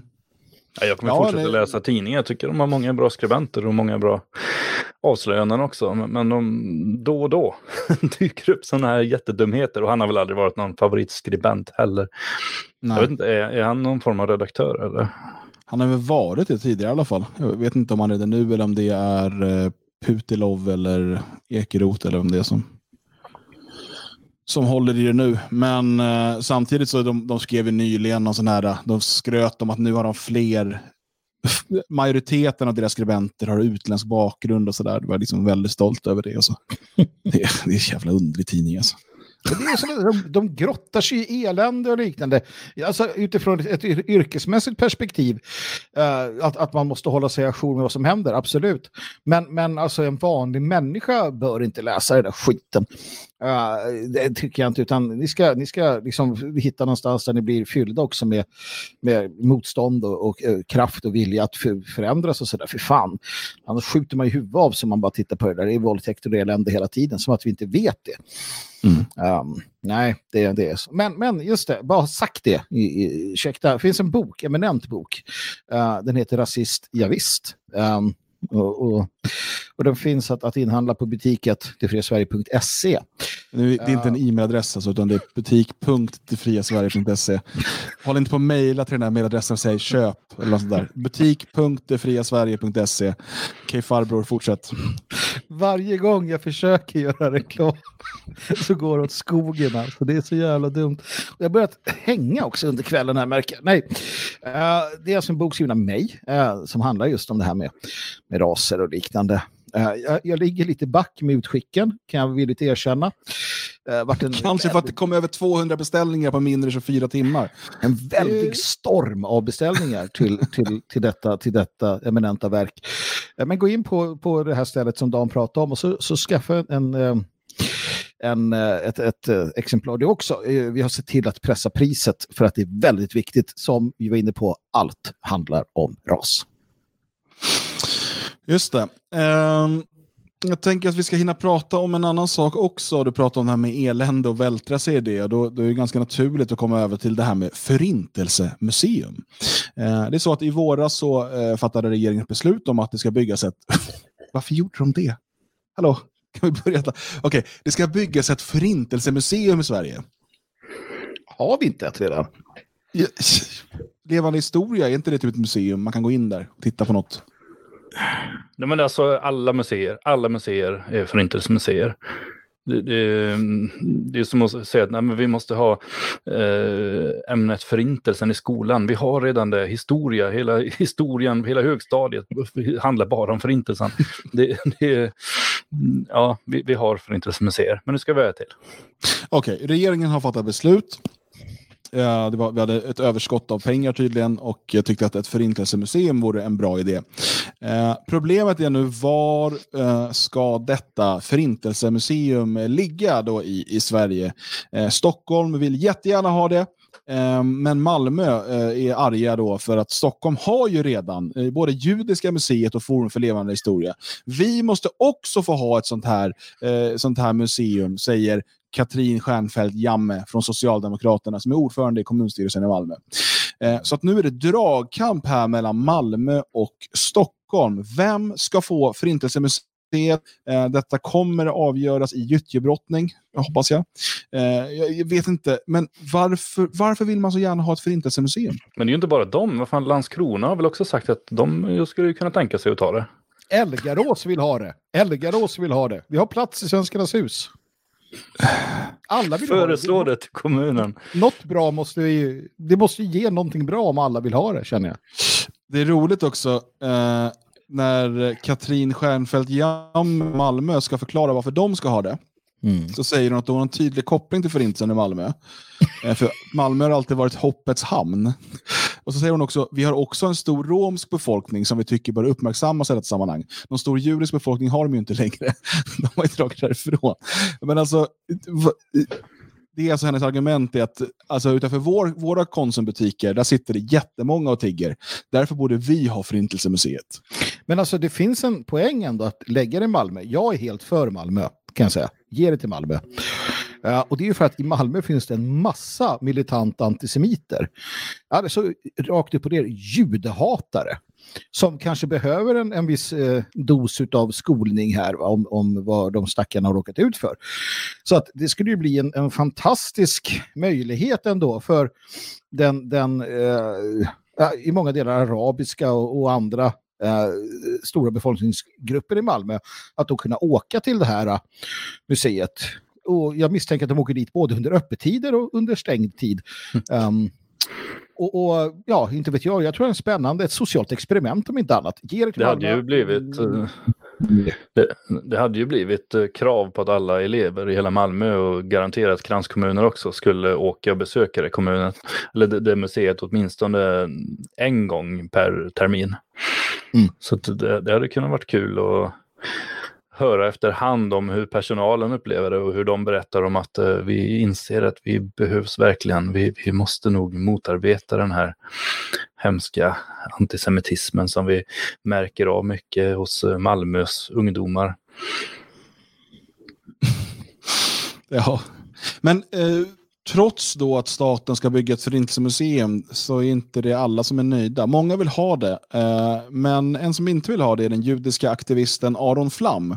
Eh, senaste tiden eh, rätt uppmärksammad för hans bok Det här är en svensk tiger, ehm, som ju för en, under en tid beslagtogs då den misstänktes, eller omslaget misstänktes utgöra eh, upphovsrättsbrott. Eh, detta fick då israeliska tidningar skriva att det här förmodligen var för att eh, Flam var jude eh, och detta var ett antisemitiskt brott för att eh, skydda eh, svenskarnas inblandning i, i förintelsen. Socialdemokraterna var de riktiga nazisterna. Ja, och, och precis, Sverigevänner och liknande har ju hängt på i det här. Att det här handlar ju då om att, eh, att sossarna vill skydda att de egentligen de är de riktiga nazisterna och, och, och var så elaka och samarbeta med nazisterna och, och, och, och ville döda judar och sånt. Ja, och, och Aron Flam har blivit någon slags eh, hjälte hjälte hos alla de här Sverigedemokraterna. Alltså Aron Flam som eh, hela tiden ganska klart och tydligt har sagt att han vill ha helt öppna gränser därför Mm. att han eh, eh, tror inte på välfärdssamhället. Han vill riva le- välfärdssamhället och då ser han invandringen som ett väldigt bra sätt därför att det kommer rasera det. Eh, den Aron Flam, alltså som nu alla Sverigedemokrater, inte alla, men väldigt många hyllar och ser som en stor ideologisk förebild och tänkare. Betyder det här att jag kan bli poppis hos bögarna en vacker dag? Ja, ja. Det är kommer du det redan bli. Magnus. Ja, det gör du. Men eh, vi ska inte berätta vad de skickar för filmer till oss sen. Ja men på riktigt, eh, jag, det här måste jag bara berätta. Jag, jag satt och googlade efter, jag kommer inte ihåg vad det var. Ja. Och så bara hamnar jag på den här sajten där. Ja, Ja. mm. Ja, Wikipedia. Ehm, det finns en jättelång artikel på Wikipedia på ämnet operabögar. Det är alltså en kolossalt lång artikel där de spaltar upp då, så här, olika teman och skillnader mellan operabögar och slagerbögar.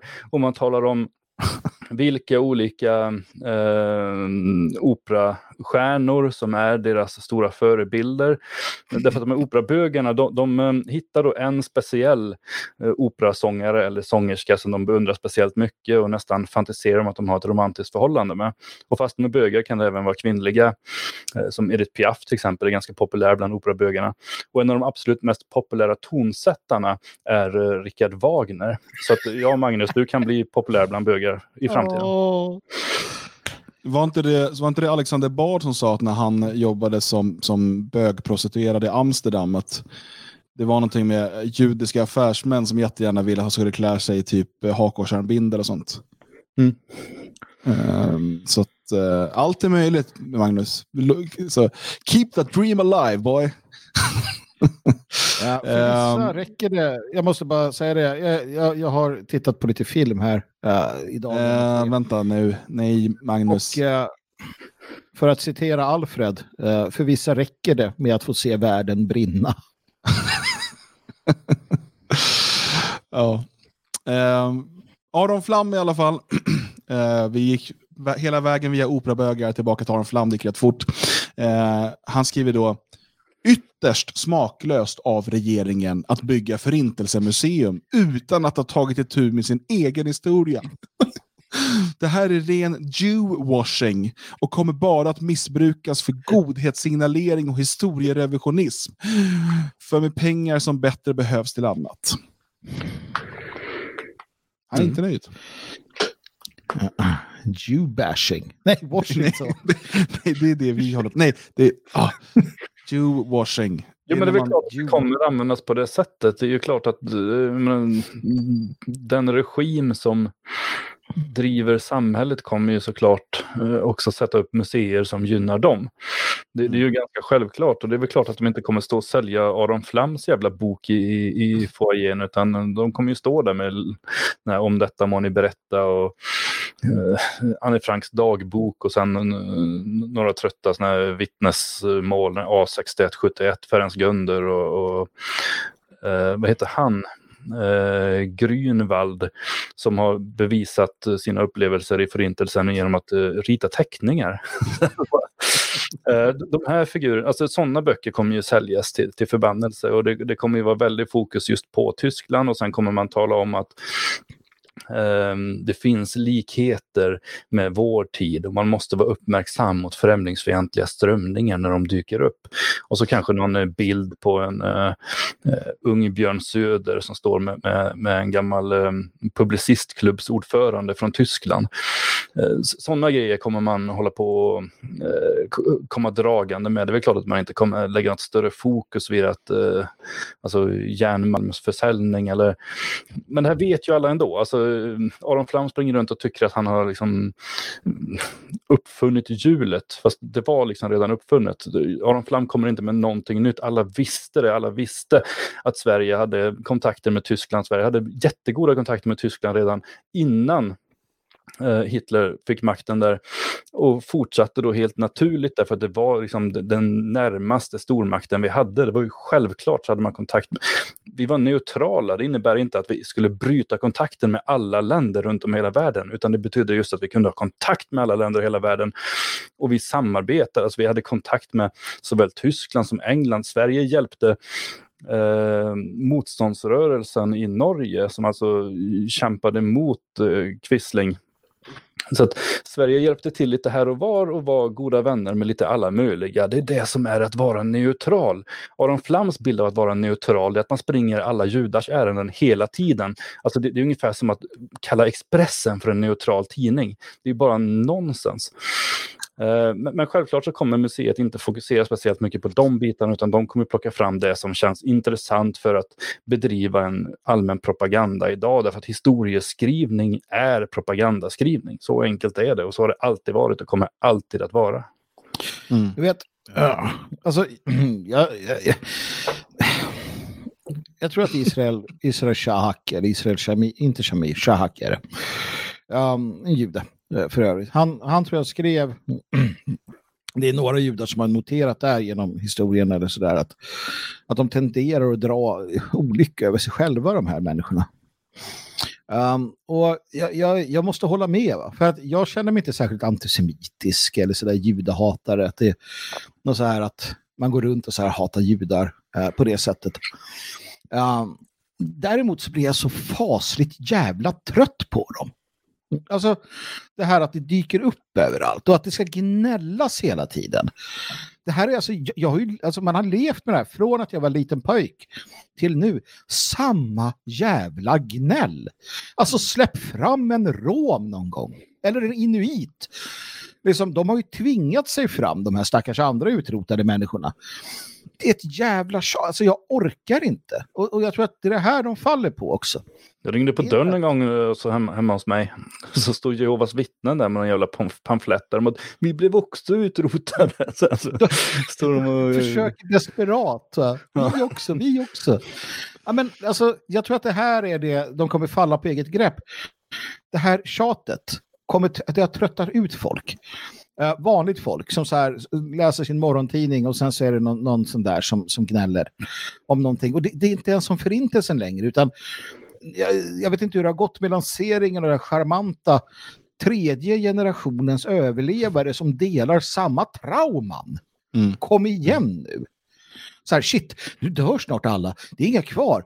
Hmm, hur gör vi då? Jo, man, det är genetiskt. Man föds med traumat. Så, bing, fick vi den. Jo, men jag blev en gång anmäld av en, en judinna som eh, var arg på mig för att jag hade sagt någonting om judar vid något tillfälle.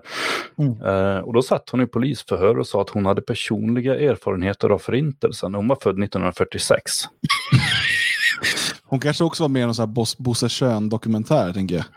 Eh, Nej, som han den där Harald Sundin, eller vad han, som, som påstår att han var lägervakt i Treblinka 1944 när, när det bara bedrevs verksamhet där fram till 43 och sådär. Men, men det gjorde inte så Men mycket. visst- Man måste ju inte faktakolla sådana saker.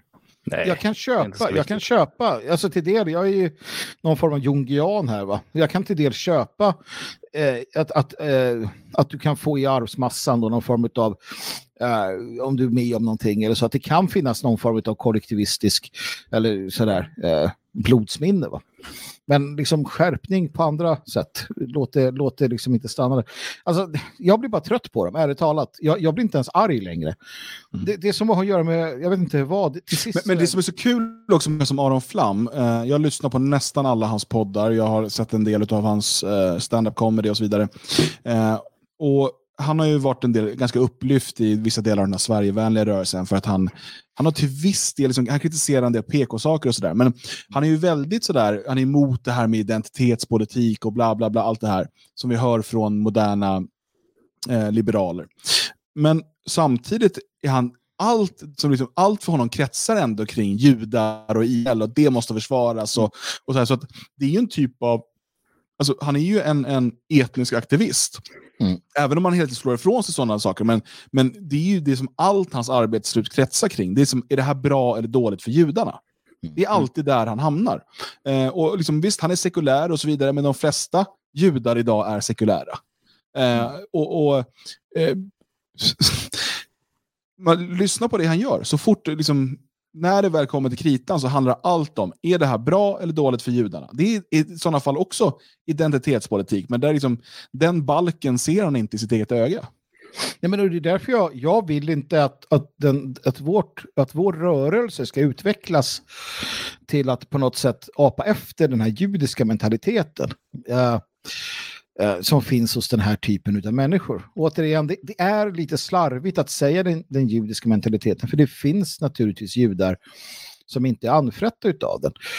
Um, men i, bet, i, i liksom avsaknad av ett bättre ord. Va? Eh, Israel, Israel Shahak får, får jag ber om ursäkt på förhand va? och alla andra sådana här. Men, men det är den här, alltså den här, den här självömkan konstanta och det här att det är alla andras fel allting. Um, och att man ska ha, Eh, jag menar vi sitter ju fortfarande, jag vet inte om vi gör det, men Tyskland betalar väl till Israel fortfarande. Israel ska, ska få, få pengar av USA av någon helt outgrundlig anledning och så vidare.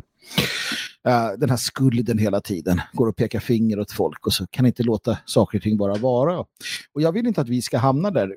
Vi ska inte, vi ska inte säga att allting är judarnas fel eller allting är invandrarnas fel eller allting är bögarnas fel eller så. Utan vi måste se på oss själva som svenskar. Varför är vi i den situation vi är? eh, och sen ta itu med det. Eh, men det är ju för att vi vill ha ett land, vårt land tillbaka och så vidare. Eh, Aron Flam vill leva i vårt land som någon form av judisk, svensk, libertariansk, jag vet inte vad, med optionen att alltid kunna åka till Israel när, när skiten träffar fläkten. För det vet vi att Schulman, Flam med flera, med flera, Bindefältarna, hela gänget, det har de sagt själva, ser Israel som, som en, en, en sista vägen ut, plats. Mm. dit judarna kan komma. När, resten, när, skit, när, när allting bara skiter sig, då drar man till Israel. Det, har de, det, det är ju deras idé. Eh, Bindefält är väl redan där va? Eh, och han, den här Jean-Pierre Barda är ju där nere också. Sitter och ojar sig över att det har blivit så otryggt i Sverige och sådär. Eh, för honom som jude då. Så att då, nu bor han nere i Israel. Ehm, ja, är det ju, vilk, vad tror ni Förintelsemuseet hamnat slut då? Eh, Jag tror Malmö. ja, men jag är inne på Malmö. Det är både det jag vill och det jag tror faktiskt. Ja, jag tror också Malmö. Eh, jag tror det kan bli sossarnas eh, försök att släta över uh, muslimskandalerna i SSU i Malmö. Mm. Eh, att sossarna driver fram det där att titta vi har minsann startat det här och så får SSU stå och klippa något band. Och, eh, jag tror det kan bli jättefint. Ja, för vänstern brottas ju med en, en, eh, en, en eh, liksom antisemitism, en politisk antisemitism utan tvekan. Det är ju ett gäng judhatare hela högen. Mm. Jan Guillou och grabbarna. Fan, Jan Guillou finns ju på tv när han säger att han vill att Bonnier ska förintas. Jävla charmigt är det då liksom. Jag tycker det är ganska charmigt. Mm. Ja, äh, vi får se helt enkelt. Eh, på tal om sossarna, är det någon av er som har orkat titta på Stefan Löfvens sommartal? Mm, jag gjorde det igår. Innan. Jag satt och fan jag måste skriva en artikel, skicka till Magnus. Nej, men jag satte mig och tittade på Stefan Löfvens tal först. För inspiration. Ja, jag vet inte vad jag tänkte. Jag, jag tänkte nog att, att det skulle sägas någonting som jag kunde sitta och förarga mig över idag. Men eh, eh, det var inte så mycket att bli arg över. va? Nej, Nej alltså ärligt talat, jag, jag, ehm, jag har ganska dåligt minne. Eh, men, men ehm, nej, jag, jag kommer inte direkt ihåg eh, någonting. Ehm, de, de, de hade tre kvinnliga musiker tror jag. Jag lyssnade bara, jag, jag såg inte varför en kvinnlig sångerska som framförde, vad heter den, strövtåg i Hembygden. Ja, eh, och eh, den här eh, arbetar, vi byggde landet och så var det någon låt till. Eh, jättefint var det. Eh, bra sångerska, fin musik, eh, ganska bra låtar också. Löfven, jag vet inte, han sa något där om att eh, det var mycket kriminalitet nu och därför hade de sett till att det fanns eh, mycket fler poliser än tidigare. Och dessutom så eh, ville han se till att eh, det inte blev fler, fler kriminella. Eh, och det var genom typ fritidsgårdar. Mm. Jag vet inte om han sa just det, men, men sådana satsningar då på eh, satsningar på ungdomar så att de inte söker sig till kriminaliteten. Uh, ja, sen var det väl att de hade satsat mycket på sjukvård och det var jävligt tråkigt, intetsägande. Det var eh, samma drav, alltså han kunde ha hållit, eh, förutom att det var lite fokus på corona såklart, så kunde han ju ha hållit samma tal förra året eller nästa år eller för tre år sedan eller om tio år. Liksom blundar totalt för alla de stora problem som finns. Bryr sig inte alls om, om den verklighet som vanliga arbetare lever i. Eh, helt ignorant, liksom bara, bara svävar runt där och sen har fräckheten att spela Vi byggde landet som avslutning på hela sändningen där. Liksom med, med eh, Eh, en låt som möjligen kan spegla eh, det tidiga 1900-talets socialdemokratiska rörelse men knappast det jävla pampväldet som han sitter och bossar över. Eh, men nej, men det var tråkigt och intetsägande och jag minns i princip ingenting. Ja, jag, jag tittade på det här strax innan sändningen för jag tänkte att eh, det finns väl något att plocka upp. Jag bara satt efteråt och kände att jag var tom. Och så här, var, var, varför tog han upp min tid? Vad, liksom, vad ville han säga? Och jag undrar, liksom, i det här läget, vi är, i, vi är liksom på väg in i en ordentlig eh, kris vad det verkar som, liksom hela världen, eh, på grund av coronarestriktionerna och sådär. Eh, och, och det måste finnas liksom hopp. Och det enda han sa det var någonting i stil med att eh, efter eh, vi ska inte gå tillbaka till hur det var tidigare. Det, ska inte liksom, det kommer inte bli som det var förut. Det ska bli bättre. Eller något sånt där. Det var totalt omotiverande. Eh, och liksom inga stora drömmar eller visioner eller liksom eh, förutom lite floskler. Så det, det, var så himla tunt att jag så att säga, det finns ingenting att säga om det här talet. Det finns ingenting att det finns inget att analysera, förutom tomheten kanske. Och att han åker på tokpisk av Lena Melin i Aftonbladet. Som jag har inte läst rubrik. Hon bara toksågar honom längs med fotknölarna. Alltså, du ska inte vara sossarnas ledare. Du har inga visioner. Du är, alltså, det, det är, är, Hon har ju hatat honom i, i, i, ett par, tre år nu. Ja, men det här är, nu är det liksom... Alltså, ja, hon var ju den första tävlans avgång bland journalisterna. Ja. Eller vad hon nu är. Nej, så, så det var typ det enda jag fick med mig. Det var Lena Melins sågning.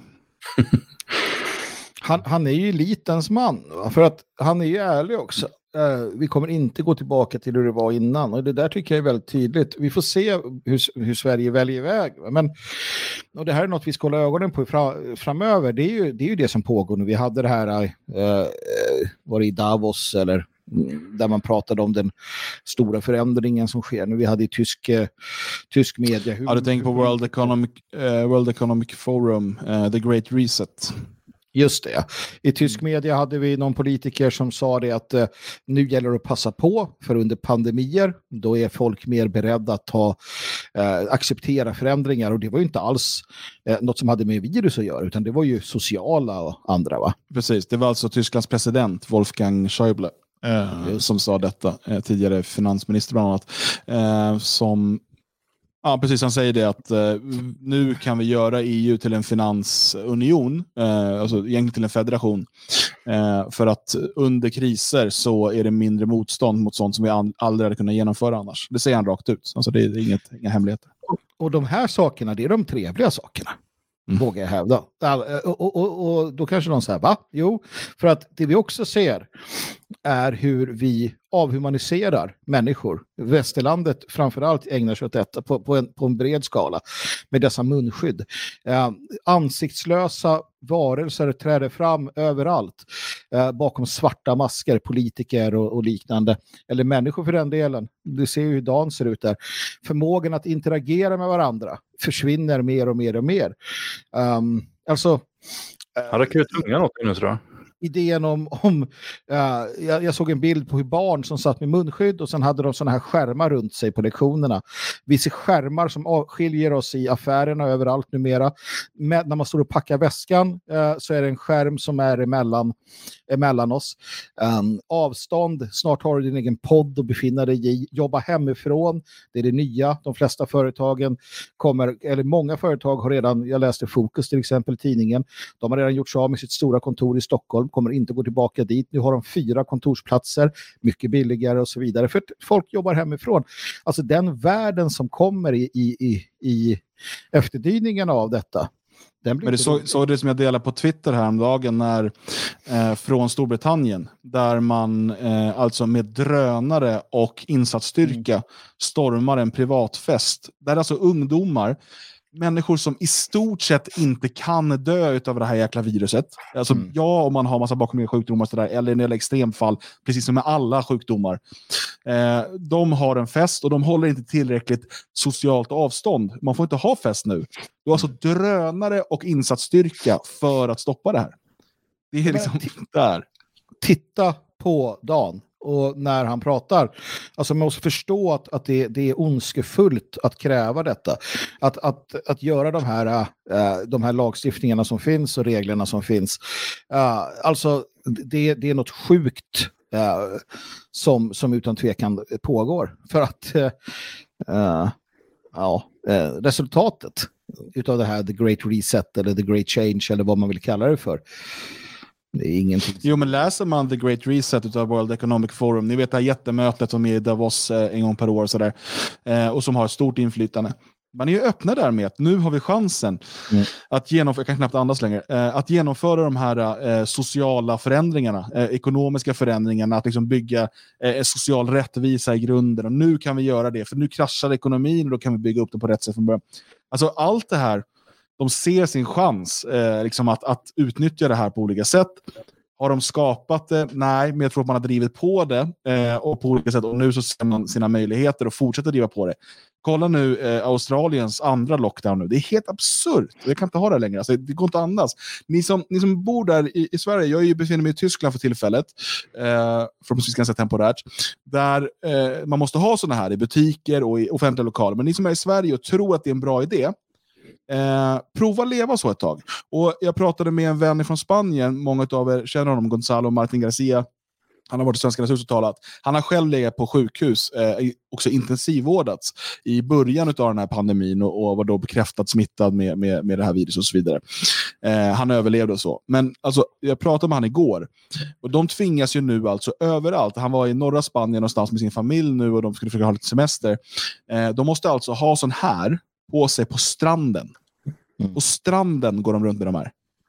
Alltså det, det, det, är så jäkla absurt. Eh, och, och så ser jag, jag ser svenskar säga ni måste in nu. Jimmy Åkesson. Jimmy jävla Åkesson sitter och liksom tycker att "Ja, men det borde vara på kollektivtrafik och bla bla bla. Ska folk gå runt med de här? Eh, Nej. Nej. Nej. Nej, vi har inte pratat om corona på ett tag, va? men uh, återigen så kan vi bara konstatera att uh, det, det, det, det är precis som vi har, det, det var som vi kom till sans med. Det är uppenbarligen ett virus som är smittsamt, va? men uh, som eh, egentligen inte ställer till det mer än så. Uh, den överdödlighet som kommer kommer reduceras uh, inom åren som följer och så vidare. Uh, någonstans så, så är det liksom ingenting konstigt med, med detta. Det är så som det, det reagerar vid ett nytt virus som kommer fram. Uh, och ja, det är ett virus, det finns. Uh, folk blir sjuka, folk blir sjuka på underliga sätt. Jag kan själv tycka att jag har vissa sådana här symptom som känns som att fan det här, det här passar in, va? för att det är liksom sådana konstiga grejer bara. Men det är inte konstigare än att det är ett, det är ett sånt virus. Uh, men alltså hellre, hellre dö uh, än, än att leva ofri. Och det gäller virus också. Uh, hade det varit böldpest, hade det varit någonting där folk knall och fall ramlar omkull och dör. ju, den julianska pesten, i den magnituden, ja, absolut. Lockdown, absolut. Munskydd, jättebra idé. och så. Men det är inte motiverat med detta. Och det är det som är så fantastiskt. Och, och, och hur, hur, hur kunde vi alla bara falla för det och fortsätta i efterhand? Nu är det ju många som gör som vi och bara, äh, men vänta nu, jag kanske var lite snabb här tidigare. Andra vägrar ju bara prata om det och låtsas som inget, men någonstans här så, så gäller det att man, man funderar lite grann. För att ingenting som händer nu har ju fått mig att ändra mig om att, att eh, jag menar, det är fortfarande att ta i, med, ta i på tok för mycket det de håller på med. Mm. Det är vad vi har att säga om Stefan Löfvens tal i alla fall. Tycker jag. Klockan har slagit tio mina vänner och nu är det mindre än sju dagar kvar till avsnitt 100 av Kväll med Svegot. Och vad händer i det? Ja, då är det eh, lyssnarnas program. Så att eh, du kan redan nu eh, skicka in frågor eller förslag på ämnen till kontakt.svegot.se. Men sen under sändningen så kommer vi svara på frågor från chatten och det kommer finnas en länk som du kan trycka på för att vara med i programmet.